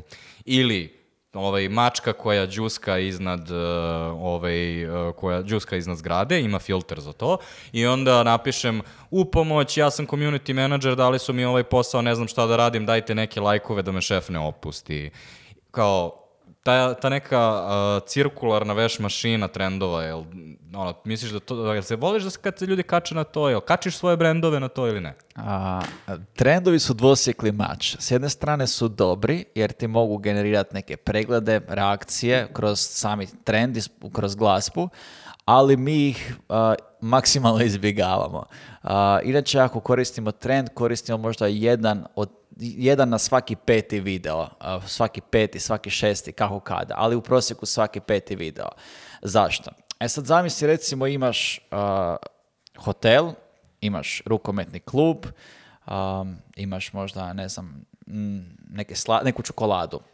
imaš različite profile, različite totalno niše, brendovi, i sad ti svakdje staviš Pedra Paskala kako, kako on jede, svakdje staviš tu mačku, svakdje staviš Šreka koji ti, eh, koji ti pleše. Ti zapravo... ono u Je, to ti zapravo nemaš razliku među tih brendova. Imaš samo neko malo drugačiji tekst prilagođen i to, je, i to je to. Glazba se uvijek vrti, slična. I sad kad bi se svi brendovi vodili isključivo samim trendovima, to bi For You page su izgledao isto. Svaki izgleda isto, koji god brend, samo malo drugi, malo drugi tekst. Tako da mi nastojimo ih uključiti kad kad, kad vidimo da baš nešto dobro prolazi, ali ih maksimalno, maksimalno izbjegavamo. I to bi svako preporučio svima. Ok ih je uvest, ali gledajte u prosjeku nekako svaki peti da je taj, ostalo bi baš trebalo biti neki kreativni scenarij. E sad, moramo da pričamo o nečemu što nije popularno za pričanje, a to je kad pričamo o trendovima, često su u pitanju veoma popularne pesme, često su u pitanju glumci kao Pedro Pascal i te stvari su zaštićene autorskim pravima. Mhm. I postoji ta velika debata koja, ja mislim da ljudi ne pričaju o njoj. Nekada se potegne, recimo ja kad sam sudio neke od e, festivala, onda je bilo pitanje da li treba da diskvalifikujemo profile koji koriste ono, stvari koje krše autorska prava. Šta je tvoj ono, stav? Kako se ti upravljaš sa autorskim pravima na TikToku? Pa, znači sve je ok dok je unutar platforme, unutar aplikacije. Počeš i recimo od samih efekata i sve te stvari koje ti sa strane iznad naziva odmah ti piše koji je koristen i filter, efekt i sve to i na taj način se regulira na TikToku. A što se tiče glazbe, isto tako. Znači mora biti glazba u sklopu samog, same TikToka, same platforme. Znači ne možeš dodati neku sa strane i najčešće odmah tu iskoči copyright problem problemi i na to treba, na to treba paziti. Tako da, eto, pogotovo kad se radi o biznis profilima i to je glavna stvar zašto većina brendova ne ide na biznis profile, nego ostaju na personal, jer na biznis profilima gubiš masu tih popularnih a, glazbi. Ali zapravo ti ako nisi, i to je, opet sam sebi radiš zatvor, jer se učiš na nešto što dugoročno ne funkcionira, jer kad dođu oglasiti ti moraš biti na biznis profilu, ne možeš personal profila raditi oglašavanje, a ne možeš raditi oglašavanje ako nećeš napraviti video koji nije trend. Tako da, kažem, znači, što se tiče samih tih stvari, copyrighta i svega, ako je unutar same te aplikacije sve ono što je naznačeno i da je vidljivo, po meni je to onda sve ok. A ako sam uspio da zabavim ljude kao što si mi objasnio u kreativnom delu, da ja tu prodajem? Kako da prodajem na TikToku? Prodaješ, uh, e sad, znači ima nekoliko stvari. Mi kad smo radili uh, s Voltom u početku, znači launch, launch, mi smo krenuli sa Hrvatskom, Volt Croatia, prvog četvrtog. I jedan od izazova uh, Volta je bio taj što postoji već masu Voltovih profila koji dijele različite kodove. Ljudi dijele kodove da se iskoristi njihov. I mi smo stavili uh, hashtag uh, VoltNoCap uh, gdje smo zapravo na taj način ono prikazali kao da je Volt for real na, na TikToku i ujedno smo pratili taj hashtag i stavili smo dva, dva ovaj, dobili smo dva KPI-a koja moramo ispuniti. Prvo je jedan sadržaj, to jest je prvi, prvi KPI bio je ljudi koji su preuzeli Volt aplikaciju bez da su uopće ikad imali Volt na svom mobitelu preko TikToka, zbog TikToka i drugo je ljudi koji već imaju Volt aplikaciju, ali su iskoristili neki kod zato što su ga vidjeli na TikToku. I s njima smo krenuli raditi, imali smo probni rok od tri mjeseca i u tri mjeseca smo morali dokazati kolika je konverzija, koja je konverzija samog, uh, samog TikToka. Ja sad zbog NDA ne smijem govoriti točno koji su podaci, ali smo mi premašili daleko i prvi i drugi KPI od prvog videa. Znači mi smo počeli sa Voltom reklamno od prvog videa jer smo imali jako kratki rok, imali smo samo tri mjeseca da pravimo rezultate. Ako ne napravite, ne radimo, da, ne radimo s vama, ako napravite, super. I mi smo već u prvom mjesecu premašili KPI za već za tih tri mjeseca. Tako da s jedne strane može... Kako? Pričali smo o tome šta je bio vaš, vaša kreativa. Vi ste imali dva minuta psihodrame gdje lik e, glumi sam e, ali sebe. to je kasnije. Ali zar nije prodaja bila ono... Aha, znači imali ste prvi dio kampanje koji je bio mnogo direktniji. Tako je, prvi dio je kampanje bio baš jako direktan, jes, ali opet je bilo kroz priču. Znači, mi smo napravili minutu, minutu i pol sadržaja gdje je, a, recimo, krat, jedan od primjera videa, imali smo ih nekoliko, e, bilo natjecanje. Hoću ja prije skuhat sebi jelo ili će meni a, vol dostavljač donijeti to jelo na vrata. I recimo, po počelo se naraditi, kao kreator je pokazao kao imamo, ne znam, 45 minuta da, a, da, da skuhamo telo koje smo naručili, krenemo s kuhanjem, t, t, t, i na kraju mu je dostavljač došao za, ne znam, njemu je trebalo 45 minuta da skuha, dostavljaču je trebalo 308 minuta, sad lupam brojke ovako koje su mi okvirno u glavi. I pred kraj cijelog tog videa je, znači, ako vi ne želite kuhat, nego si ubrzat vrijeme sa vodostavljačem, ovo vam je kod koji možete iskoristiti za 20% popusta, na primjer, i bam, iskoči. Jer ti ljude privučeš oba sa hukom u početku jer je interesantno ko će, oće, ovaj prije doći ili ću ja prije skuhat. Druga stvar, držiš im pažnju kroz cijeli video i treća stvar, imaš na kraju skroz call to action. Znači da je to bilo odmah u početku, iskoristi ovo ili da ne bi bila tolika generiranje samih pregleda, već bi u početku ljudi i onako sva, na TikTok ljudi svačaju kad je nešto reklama, ali vole pogledati ako je interesantna reklama, ako je lijepo obličena. Tako da, evo recimo, to je neki primjer kada smo imali od prvog, od početka i pratili smo na taj način, znači baš korištenje samih i Volt je zapravo jako zahvalan što se toga tiče jer ti možeš baš jednostavno pratiti. A, druga stvar je recimo primjer Dentuma. U Dentumu nismo imali reklamno od samog početka. U Dentumu smo gradili skoro šest mjeseci cijelu priču i nakon toga su oni prezentirali kako se mogu uh, eh, maknuti bijele mrlje na zubima. I onda smo nakon tek šest mjeseci prezentirali uslugu koju nije drugdje nigdje komunicira, niti preko eh, bilo kojih ovaj, digital, niti drugih formata došlo do ljudi. I eh, znači nakon dva vida, već su krenuli upiti preko poziva i preko Instagrama da bi ljudi htjeli doći izvršiti tu uslugu. Ali ono što je zanimljivo, znači mi smo to saznali na način zato što je samo prezentirano preko TikToka, ali nam ljudi nisu htjeli reći da su vidjeli na TikToku jer im je bilo neugodno. Vidjeli smo, vidjeli smo to na internetu, pa bi htjeli se ovaj, odlučiti za tu eh, uslugu. Tako da je to, ono, prva je preko tih kodova, drugo je prezentacija nečega što ne postoji niti na jednoj drugoj, eh, niti na jednom drugom kanalu i treće, preko utemanih linkova. Znači, postoji situacija gdje ne ide se odmah na oglašavanje od prvog videa, ne ide se na oglašavanje tako da ćeš samo neku uslugu prezentirati preko TikToka, već se ide na utemane linkove koji se otvaraju na tvom TikTok profilu nakon tisuću pratitelja. Kada imaš hiljadu pratitelja, možeš staviti link i ti točno vidiš koliko je ljudi kliknulo zbog TikToka na tvoj web i otišlo sve. Ti dobiješ neku kobasičetinu od linka koja ude negde u tome piše UTM jednako ime A ti imaš bitlink. Da. Imaš, e, to cap staviš tu i točno Pokušavam vidiš. Pokušavam da objasnim za ljude koji ne znaju to, ovaj, a kao, kako to funkcioniš. Znači, e, imaš taj veliki link, ali on na kraju redirektuje na tvoj sajt. Ali umeđu vremenu on ode na jednu među adresu i tamo negde zabeleži da je došao sa TikToka. Točno. I ti to onda vidiš gde je. znači, doslovno, sad postoji e, situacija gdje ti možeš doslovno na tom, na bit linku vidjeti točno koliko je, koliko je koliko je svega, prvo i drugo, ti vidiš po povećanju prodaje, ako ti promoviraš neki šampon ili šta god, eh, ako nakon tog videa koji ima 140.000 pregleda je kliknulo, ne znam, 700 ljudi na kraju, eh, recimo to je neki omjer konverzije eh, na taj link i od 700 ljudi kupilo je, ne znam, 85 osoba taj proizvod, ok, imaš, imaš tu neku konverziju i točno vidiš koliko ti je u usporedbi sa dosadašnjom prodajom i sa svim skočila prodaja nekog proizvoda. A koji je balans između zabave i hard prodaje i kada ljudi kažu prodaja u glavi, ono što zamišljaju je recimo ja skupljam olovke već 10 godina i ovo je najbolja olovka koju sam našao, a košta samo 180 dinara.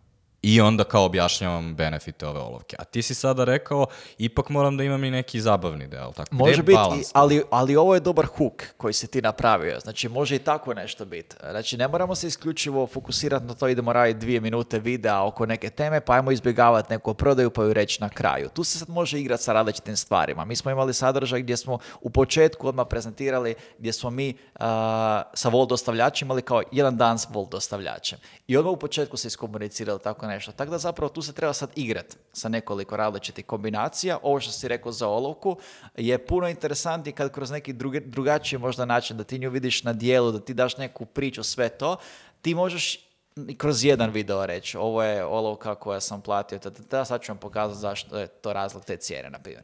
Ali već na drugom, trećem, petom ljude ne interesira, već tu izgubiš tu različite, različite ideje. Tako da treba tu biti dosta, dosta kreativan, ali nije da, znači još jednom, znači nije da ljudi ne vole reklame na TikToku, samo ih treba baš znati lijepo upakirati. Rekao si da ste na saradnji sa Voltom na početku odmah prebacili KPI-eve, a koliko dugo traje neki trend, odnosno koliko brzo se zamara neka kreativa, koliko brzo se zamara kreativni koncept i da li se zamara kanal, da li, ono, da li ste vi sada iscrpli ljude, recimo rekao si jedna od stvari je ljudi koji nisu do sada imali Volt na telefonu su instalirali Volt, to je jedan KPI ali u nekom trenutku vi dođete do, do ljudi koji su na TikToku, a nisu instalirali Volt. Nije nepresušan izvor. S Voltom trenutno imamo 16 videa mjesečno koji izrađujemo kontenta i recimo fora stvari kod njih šta oni imaju stalno drugačije fokuse i inpute. Malo im je Burger Week, pa im je malo Pizza Week, pa im je malo neki Fit Week, pa im je ovo, pa im je Dance ovo. I tu zapravo imaš nepresušan izvor kreative. Ti svaki put možda nešto drugo napraviti, sami sadržaj. I ne moraš ti, to je u početku bilo veći fokus kad smo, kad smo išli vidjeti koliko koliko stvari TikTok će generirati konverzije. Ali kasnije ti se već možeš zavaljati isključivo s kreativo. Ne moraš ti kroz svaki video prezentirati i promovirati nešto. Ubaciš svako, ne, svaki treći, svaki pet video, pet ubaciš nešto. A što se tiče samih ovog pitanja vezano za a, trendove i koliko se brzo zasite, na TikToku je nevjerojatno koliko to brzo prolazi. To onak traje po par dana, po tjedan dana i to je već nešto drugo u igri. Tako da je baš nužno da se što prije uskoči taj trend, jer ako nije ono na vrijeme, već je nekako stara priča. A ako uzmem taj Burger Week koji ti da e, Volt, da li bi ti preferirao da dobiješ kreativni koncept i sad recimo lupam Burger Manija i heroji koji su u stvari sastojci burgera. Imamo kupus čoveka i luk čoveka i tako dalje i svi su oni neki crtani junaci i tako dalje. Ti treba se uklopiš u to ili si u fazonu treba da prodajem burgere. Šta je bolje od ta dva za TikTok? Nisam te sad skužio šta želiš Znači, sa jedne strane možeš da budeš deo neke kreativne kampanje koja već postoji. I to je recimo sad zamisli da postoji neki TV spot sa animiranim likovima okay, koji se ja rekao. I onda ti treba da se uklopiš u to nekako. Ili je za TikTok bolje da dobiješ ono business brief. Treba da prodaješ burgere što nama se ispostavilo da što jednostavnije, to bolje. Znači što je nama veća sloboda dana. Ako je brief, znači prodaj mi burger. I sad smisli kako, tvoje, to nam je neko najbolja opcija. Što je neko konkretnije, što, što ima u stilu konkretnije, da je već sve raspisano, da je sve što određeno, pri svega uopće to ne mora biti za TikTok. Možda je totalno fulana platforma, već je nešto, za nešto drugo. Uh, prva stvar. Druga stvar, ti kad to nekom šalješ na autorizaciju, šalješ unutar nekog marketinga tima ili prodajnog tima, i taj neko možda ima totalno drugačiju sliku toga. Ja sam ti raspisao cijeli, cijelu ideju, ja sam očekivao to da bude tako i tako, jer ljudima je u glava jedna stvar, nekom drugom je drugačija stvar. Nama se ispostavilo da je najbolje kada ima samo okviran fokus, znači trebaš napraviti to i to, kako, nemam pojma, smisli strategiju, smisli e, kreativu i to je to. U tom slučaju mi znamo ponuditi više različitih opcija kako se tako nešto može napraviti. I najčešće to onda poluči najboljim rezultatima, jer ono, na kraju dana mi smo stalno na platformi i poznajemo već kako ljudi šta reagiraju, znamo neko najbolje odred kako ćemo moći nešto napraviti. I sad kad ja objavim te svoje kreative, koje reakcije mogu da očekujem? Kako reaguje TikTok zajednica? A, raznovrsno. Znači, TikTok zajednica Aha, Znači, opet na kraju cijele priče je tu najviše do ljudi. Znači, platforme su sve neutralne. Mi smo ti koji dajemo komentare i koji ostavljamo komentare, ali neko iskustva mi djeluje da, da je sve ok, da je ekipa čak i podržavajuća i da su u redu. Ne znam, tipa kad vidim komentare koji su po Facebooku, koji su po nekim portalima, ono je stravično. A, zna i na TikToku, jer jednostavno ne možeš ti izolirati od takvih ljudi koji ostavljaju negativne komentare, ali najčešće su oni ili ne ostave ništa ili su, ili su ok. znači, jedino jedinak je baš nešto ekstra cringe i gdje ti nešto provociraš i prozivaš nešto, to je jasno da će ti takav, znači ti jednostavno daješ takvu energiju u video, mora ti se takva energija vratiti. Ali neko iz mog iskustva i kad vidim i po profilu i po svojem i kad se nastavimo brendove nekako usmjeriti u neke strateški u, neke, neke stvari, kad pogledamo te dobronamjerne kreatore, to je sve ok. Uvijek zna uskočiti ono neki glupsi, ali to ti nije komentar, to je ono. Ali... to je dosta bitno, zato što to ti i ja razumemo, um, pogotovo zato što postoji dosta mladih korisnika na platformi koji neminovno moraš da zakačiš zbog toga što taj algoritam toliko Jasno. šeta. I recimo na bilo kojoj drugoj mreži ti nećeš te ljude da zakačiš, ali ovdje on će zaista da testira sa svima i onda ćeš da dobiješ baš glupe komentare. Mm-hmm. Glupsi je čak dosta benigno. Ono, obično se zakače za nešto, pa recimo ono, klempav si, ono, šta, da. šta ti si našao da keneš i tako dalje. Da. Ove, ovaj, tako nešto. Međutim, kao mislim da su, u, pogotovo u korporativnom svetu, ljudi nisu navikli da dobiju nikakav pushback i onda kada vide nešto tako ispod, onda on, često se prepadnu od toga, a nekako svi koji živimo na toj platformi smo u fazonu, ali to je baš da. normalno. I... E, ja sam se iznenadio da koliko brendova čak postoji da su spremni, e, ne samo za TikTok, općenito isključiti komentare. Znači ja sam spreman više imati nula komentara nego uz deset pozitivni imati jedan negativan. I to me baš iznenadilo. Jer stvar kod e, TikToka je da poda, ti možeš taj komentar totalno ignorirati ti možeš, od, e, sad ako je baš neki hejt i onako je baš vrijeđanje i sve, možeš ga izbrisat tako nešto ti ne treba u komentarima, ili ti taj možeš komentar pretvoriti u novi sadržaj to je recimo super, gdje ti, neko ti nešto napiše, šta god, i ti mu možeš odgovoriti i nerijetko mi skoči takav nekav oblik sadržaja gdje netko odgovara na hederski komentar i na, kraju ga baš lijepo podrže. Baš je nedavno izašla ova kampanja za Liquid Death, ne znam da li si ispratio, oni su uzeli neko je napisao radije bih lizao znoj sa leđa debelog čoveka nego pio Liquid Death, oni su voda. I e, oni su uzeli taj komentar, stavili ovako i kao i evo ga debeli čovek i evo ga naša voda i sada ćemo da imamo taj test. I onda su kao, znaš, ti gledaš taj video i kao otprili, mislim da, to je neki trend koji su ljudi već zahvatili, ali postoji još jedan trend sa komentarima koji je dosta bio zanimljiv, a malo je splasao sada. Sećaš se onog lika koji je bio u fazonu Brands Comment on this, pa je imao milija, pregleda i svi brendovi jedno vrijeme je bila ta fora da brendovi jedni drugima komentarišu i to je, ono, sami ti komentari su imali po 5000 lajkova, na primjer, na komentar. To je malo zamrlo ipak, A, a pa treba, treba znati odgovoriti. Recimo, nama je super jer mi vodimo više profila i onda već znamo ko je uvezat. Ili ne znam, evo kad smo se dotakli sad Volta, slučajno je ispalo tako, ali nek Volt ima neki suradnju jer oni najčešće imaju različite te vik ovo, dan ovo, svima tamo i nek rade sa nekim od ovih brendova s kojima radimo, znači samo jedni drugima uskoči, uskoči u komentare. I tu čak, ako pogotovo video dobro prođe, oba brenda rastu jer ljudi ono uđu u komentare, vide kako ovaj jedan drugom odgovara i to je baš fora. Tako da nekako je više bilo prije da su brendovi uljetali jednim drugima, očito su sad više fokusirane da svako radi svoj sadržaj, ali jako fora vidjeti da neki brand, pogotovo ako je verified, e, komentira nekom drugom. Hajde da pređemo na produkciju TikTok videa. I prvo pitanje je, e, ti si pomenuo jednom da, to jest nedavno baš, da snimaš 150 videa nedeljno, je to tačno? Da. Kako?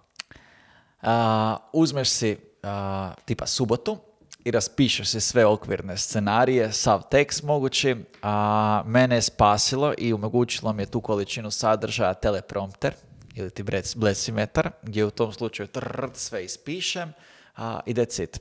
Znači, a, nek se snimi jedan video pa se može oblikovati na tri različita načina ili recimo imam Facebook, imam Instagram objavu, stavim Instagram objavu i napišem opis. Taj opis samo ovaj, copy-pastam na LinkedIn, uh, taj istu objavu stavim na, na Facebook, svakdje stavim story, kroz ovih sedam profila nek bude sedam videa, tako da ono, to, to možda zvuči HC, a zapravo je HC, ali sa dobrom strategijom, ako si ideš odvojiti jedan dan u tjednu i to odrađivati, to se može. Ali jel, ti trebaš imati neki cilj sa svim tim, jer...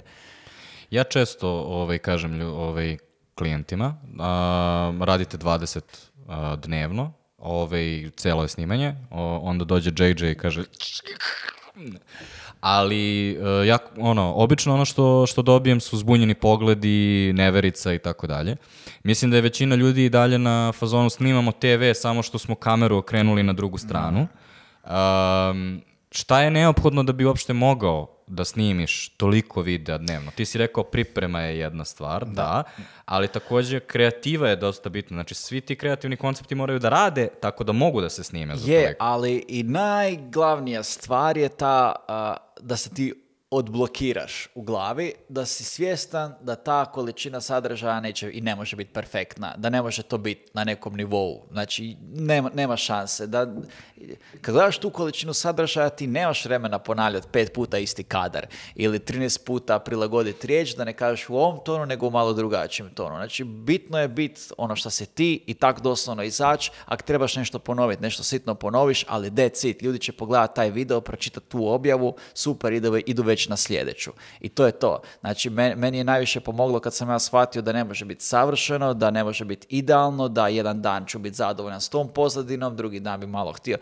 I to je to, Sam treba, na, na, kraju dana ljudi ne obraćaju toliko pažnju na nas sadržaj koliko mi zapravo, ja mislim, sami obraćamo, da ti otvoriš svoj video i gledaš ga pet puta, ljudi ga samo prelistaju, a ga uopće pogledaju do kraja. A šta kažeš e, na, na kontraargument koji neki brendovi imaju, a to je mi smo ipak premium brend, ne možemo da izgledamo kao 5 dinara. Ove, I onda šta radiš u tom slučaju? Ali recimo ima smisla ovisno o kojoj platformi. Sad ne znam, znači naravno da postoje sigurno neke stvari gdje treba puno više uložiti i vremena i kreative i to mi ima smisla, ali recimo za stvari poput izrade TikTok sadržaja, a, ne znam šta, šta bi značilo premium brand u stilu. Ako ste premium pa da. brand, da li to znači da trebate objavljivati jednom svakih tri tjedna jer ćete investirati? Ja sam često u fazonu, pa dobro, rentirat ćemo lep studio, ali dalje je najbitnije šta ćete vi da kažete tu i šta će ovaj, ljudi da ono, pokupe iz toga i samo ne treba od toga da pravimo dramu. Ako se, zamisliš jednu prosečnu TV reklamu za nešto što misli da je premium brand, to je recimo uh, žena silazini stepenice, mazi gelender, uh, haljina u obično CG cgi Ona se susretne oči u oči sa svojim partnerom. On pogled, skine očare, pogleda u nju, ona pogleda u njega. Onda se njih odjednom kreće opera. Onda, ovaj, ako smo slatkiš, recimo, onda kreće ono, čokolada se prepliće i tako dalje. Kao, to su stvari koje mi u stvari ne možemo da radimo. Kao, moraš da budeš u fazonu, ok, kao sedi studio, studio, pričaj nešto, ili nešto što može da radi na sedamnaest komada. Jasno. Pa isto ovo, i kako ćeš sad, to si super sad objasnio, kako ćeš sad recimo ovaj podcast prezentirati kao, ne znam šta možeš kao premium brandu stilu, zašto se uopće ograničavati sa takvom, jedno je sa TV reklama, ajde i sad isproduciraj 20 dnevno ili to, totalno drugačiji oblik sadržaja nego što je sami TikTok, ali inače znaju ti pre, premium brendovi ili ono koji stvarno jesu ili tako misle da jesu, napraviti sami sebi komplikaciju i blokadu s TikTokom da žele sve prvo napraviti da je savršeno do nivoa gdje smo imali situacije da oni moraju paziti točno kako je osvijetljen njihov proizvod jer ono svjetlo vide se da je prsto malo za tapnuto. Pa ne pa znam da li si primetio, ali u svim TV reklamama ti nemaš proizvod. Ti imaš 3D render nečega što glumi da je proizvod da bi se to mnogo bolje videlo i da bi bilo veoma ono da. kontrolisano. Da. To ti je to. Ali to bi bilo kontraproduktivno na da, TikToku. Da, to je bilo totalno kontraproduktivno i... A, ma da, ne, ne bi bilo općine reakcije, ako bi, bilo bi negativne. A recimo sada nešto što kažu, um, ovaj, ono, recimo da smo objasnili ljudima da mora da bude drugačije, ali ono što te često pitaju je onako, a dobro, jel mora 17? Jer recimo ti si pričao o kampanji gde si za dan knjige um, ovaj, uh, sakupio 17 pisaca ili ako sam dobro ovaj, zapamtio... Knjižničara, da. Da, ovaj, i onda su oni pričali ovaj, kratko svoju knjigu. Jel mora da ih bude 17? Ne mora, zašto bi morala? Jel dovoljno 3? Dovoljno i 15. dobro, kako, ti, kako ti gledaš to? Ono, kako odrediš koliko knjižara zoveš? A, pa nekako je bilo više u cilju što više. Znači, gledao sam...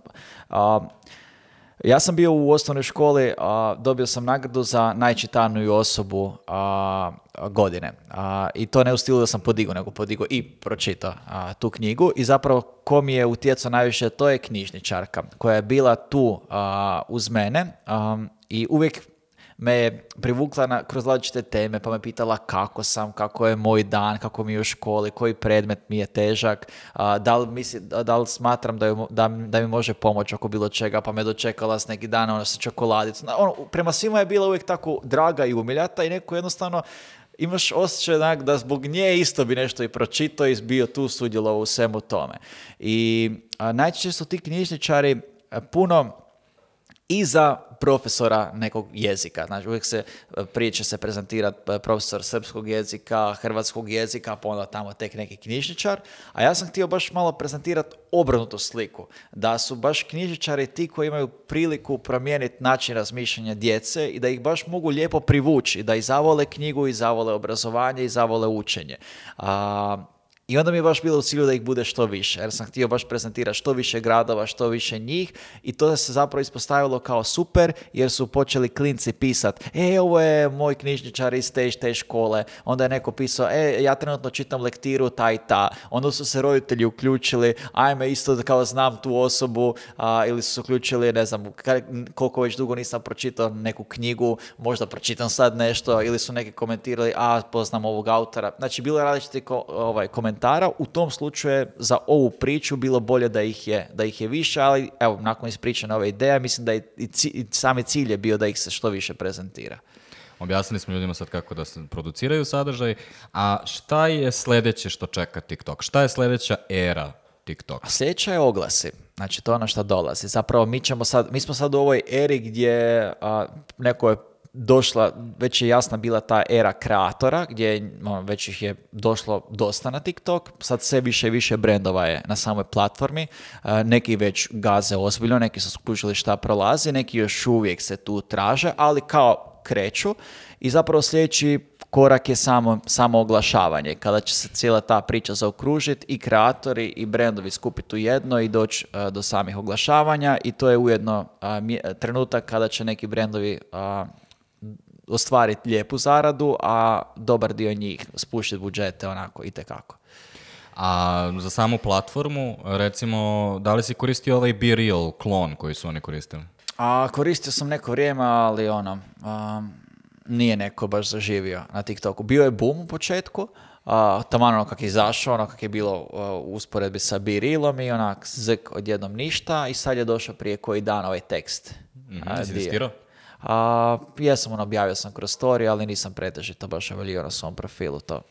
Ono, ja sam uzeo nešto što sam nedavno ovaj, postavio na threads, dodao sam neku muziku koja se kao mhm. sarkastično nadoveže na to, mislim, ja nemam, da se razumemo, nemam TikTok profil koji je ni blizu tvog, ali dosta lošije je prošlo nego bilo šta što sam mu mhm. nedavno mhm. ovaj, postavio. Tako da to mi deluje kao da neće pretrano Pa nemam ni ja neki... mi intuitivno Da, ne, nemam ni ja neki feeling. A, neko je normalno da probaju, da pokušaju, ali nemam neki feeling da će to proći. Jednostavno, to nije takav oblik platforme. Ni, ja uopće prolazim od početka da li bi ja tak nešto čitao kod nekog ili gledao, onak ne, ono što su prošlo jako dobro osim videa je one karusel slike. mm Ono je odlično prošlo. Kad ti staviš nekoliko slika u jedan karusel pa onda ljudi listaju. To je recimo dobro prošlo. I video. To su nekako dve glavne stvari. I sami storiji, što su dodali storije, ne vidim baš da ljudi koriste storije. A, ovaj dio oko birila, znači TikTok Now, isto ništa i sad ćemo vidjeti ovaj tekst, ali isto mislim da ništa toga. I sada smo došli do ne, možda najgoreg uh, ukutka TikToka, to je TikTok live. Ok. Ajde objasni ljudima šta se dešava na TikTok live-u, zašto je to toliko čudno, zašto ljudi viču tapkajte, tapkajte, tapkajte, zašto imamo mas ljude koji nose fantomke ispred albanskih zastava protiv devojaka koje su ispred srpskih zastava, šta, šta, šta se dešava na toj platformi? Zasuzilo mi oko na tren. A...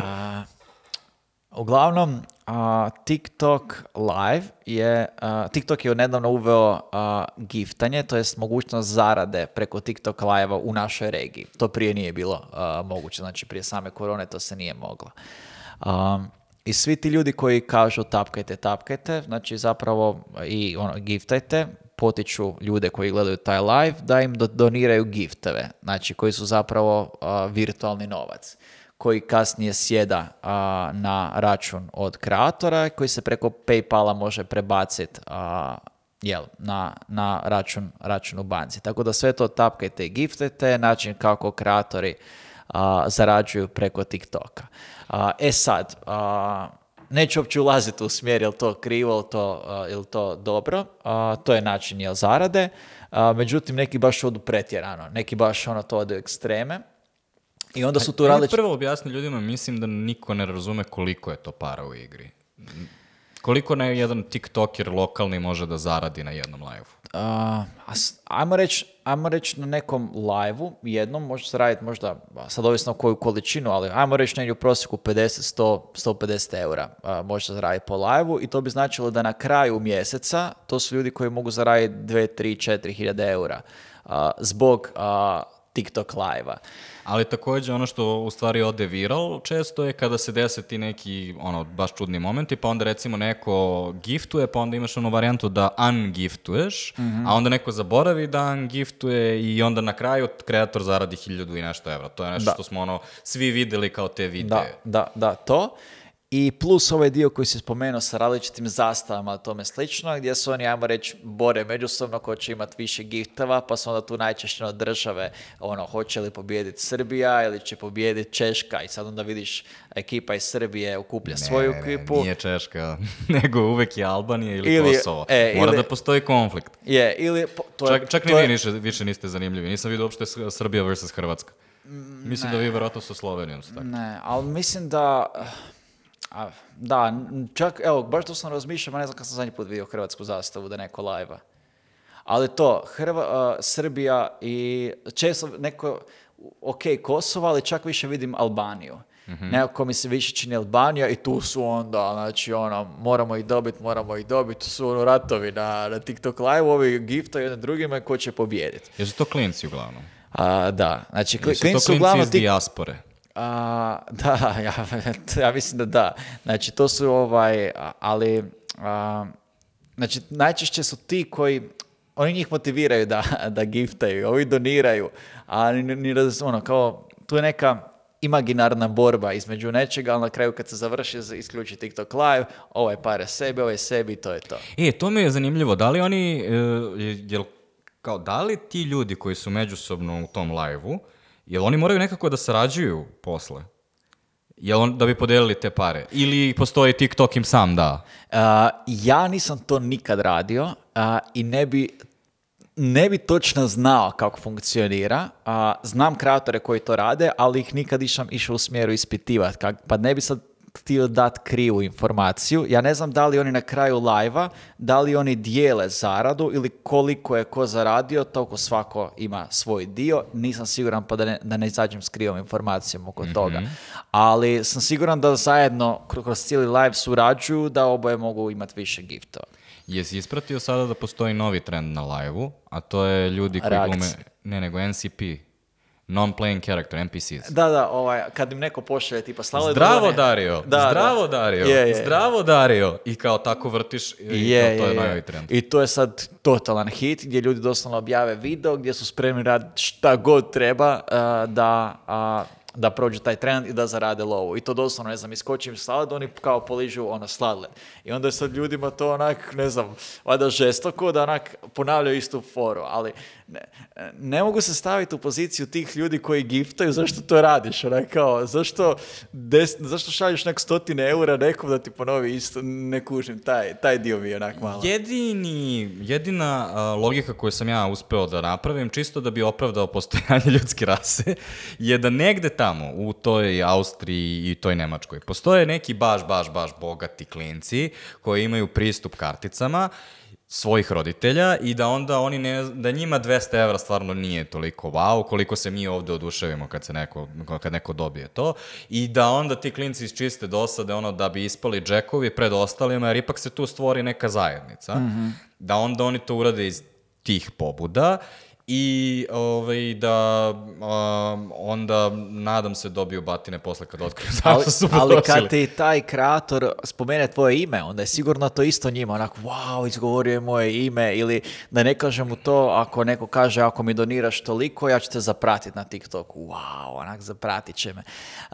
to su još ok situacije ako neko stvarno ima tu mogućnost pa kao neće osjetiti 200 eura, ali ja mislim da su većina one situacije gdje klinci uzmu karticu od roditelja da roditelji ni ne znaju i imam situaciju jednu gdje je e, dijete uzeo svoje majci karticu, spojio e, ne na TikTok, nego, ali ok, a, nego na ovaj Fortnite kupovao sve moguće skinove, majka nije ni znala ni ništa, sljedeći mjesec kad sjeda plaća, doslovno je poništilo sa plaćom, znači nula onak zarade jer je dijete ono, šta, šta, znaš koliko je Fortnite skin, on vidi 50 eura, 30, ma može se, tak, tak, tak, tak, tak, i otišlo je. Koliko je sigurno takvih slučajeva i za TikTok live.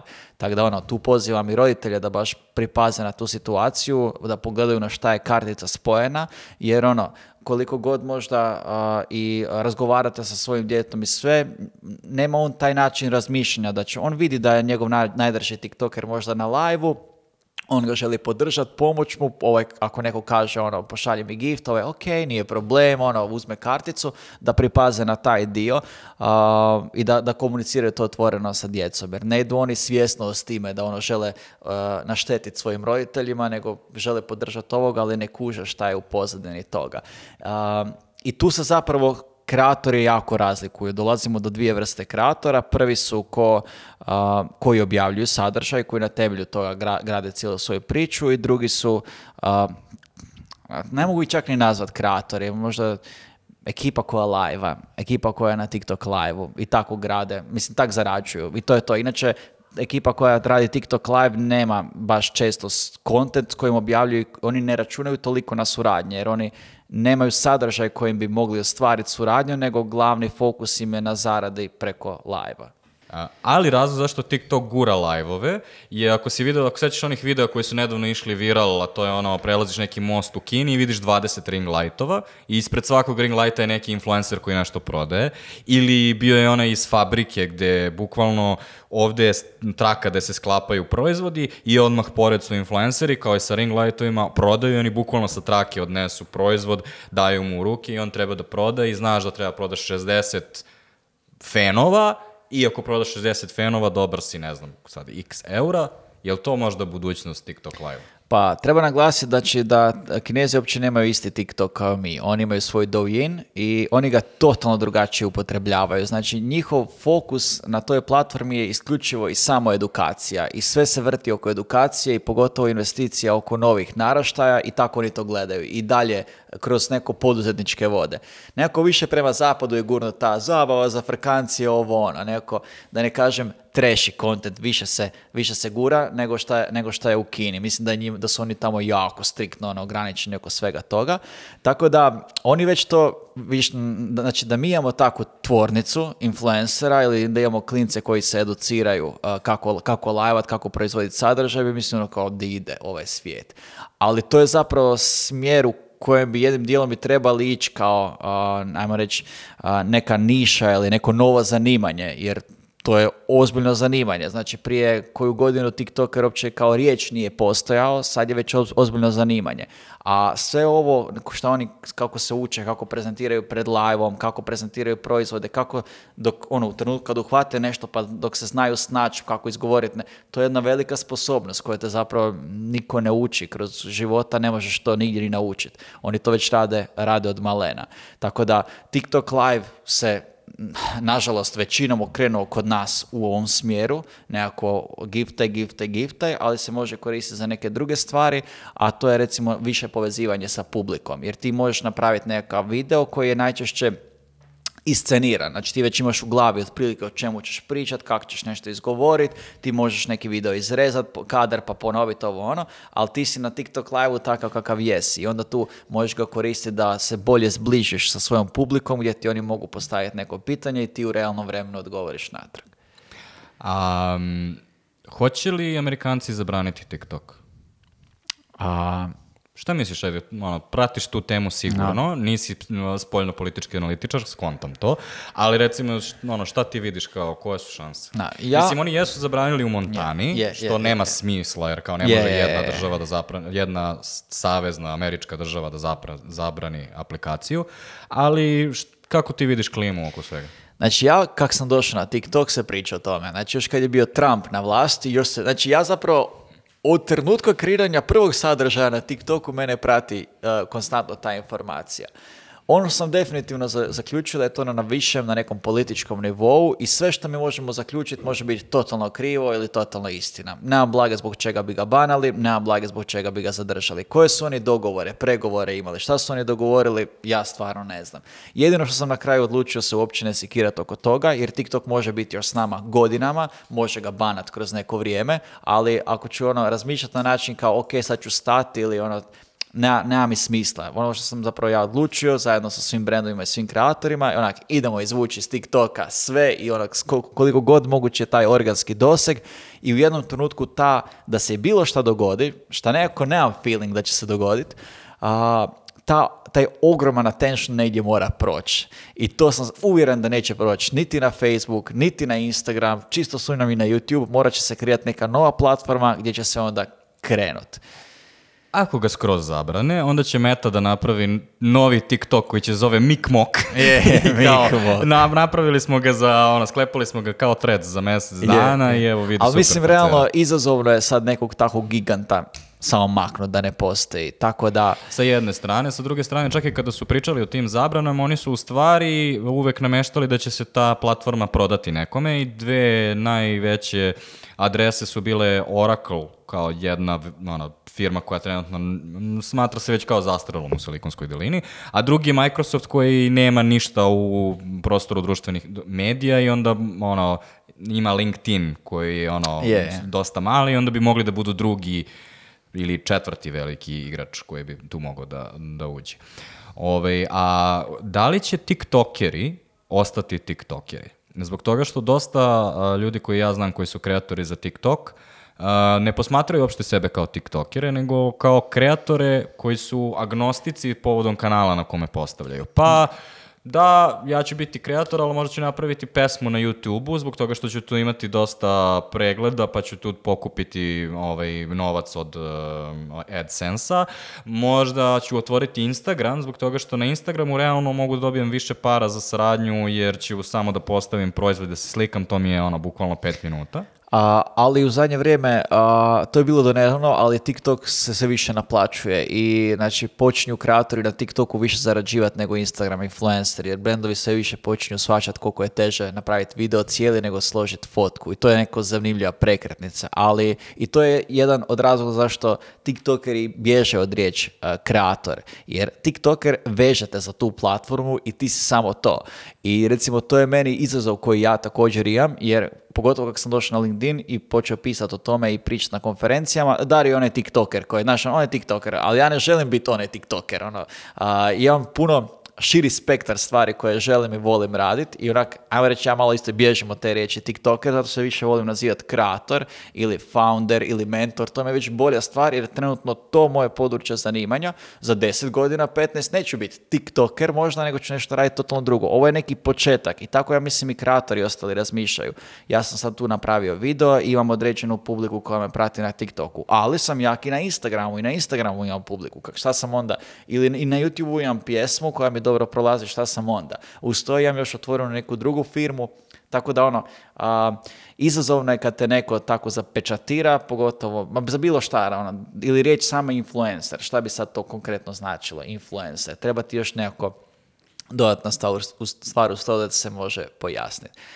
Dobro, to je neki opšti odgovor šta čeka TikTokere, a šta je plan za tebe? Šta će raditi Dario Marčac u budućnosti?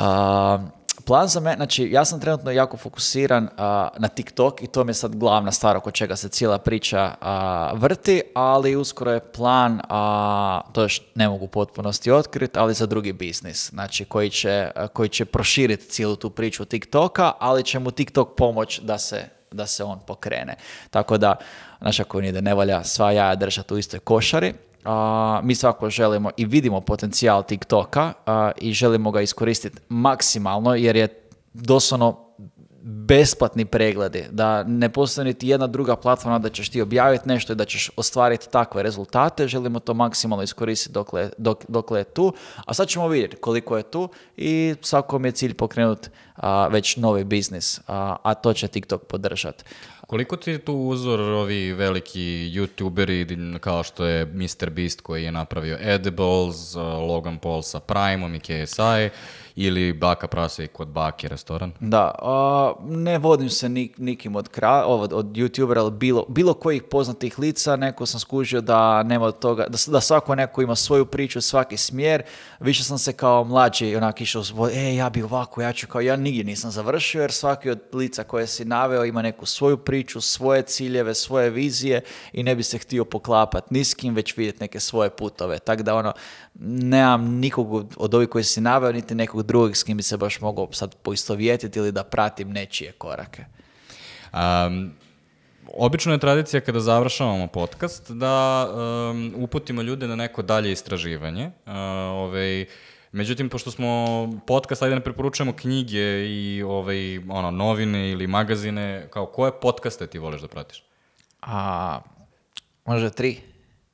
A, znači, prvi je Lud podcast. LOOD podcast koji je više onako usmjeren a, na psihologiju, na emociju ljudi i Vinko, znači osoba koja je tamo, poziva baš ljude i baš crpi te neke unutarnje stvari iz njih koje prezentira. A, drugi pod, pod, podcast je Lider Media, oni su nedavno krenuli sa sadržajem i krenuli su fantastično, znači format je otprilike oko 15 minuta YouTube videa koji kasnije reckaju na sve moguće kanale, oni imaju onako baš fokusirano na poduzetnički sadržaj i gledaj, treći je Žička podcast, nema se tu šta, pitanja koja mi postavljaš i koja postavljaš drugim ljudima, drugim gostima su fantastična, a, vidi se da istražeš područje, vidi se da istražeš svog gosta, a, konstantno drčeš i pažnju i usmjeravaš razgovor fantastično, tako da ono, za svaku preporuku. Hvala ti puno na preporuci i hvala ti na razgovoru i što si potegao dalek put da dođeš do ovde. A vas, ako zanimaju teme iz oblasti digitala, onda ako ste na YouTube-u, potražite playlistu Žiška o digitalu. A ako nas slušate preko audio platforme, onda preporučujem, ako vam je bilo zanimljivo ovo, imate širu analizu TikTok algoritma u epizodi broj 107 sa Raduleom, gde u ono vreme kada su objavili TikTok algoritam, mi analiziramo šta su u stvari objavili, šta sve znamo o TikTok algoritmu. Želim vam do slušanja, pošto podcaste niko ne gleda.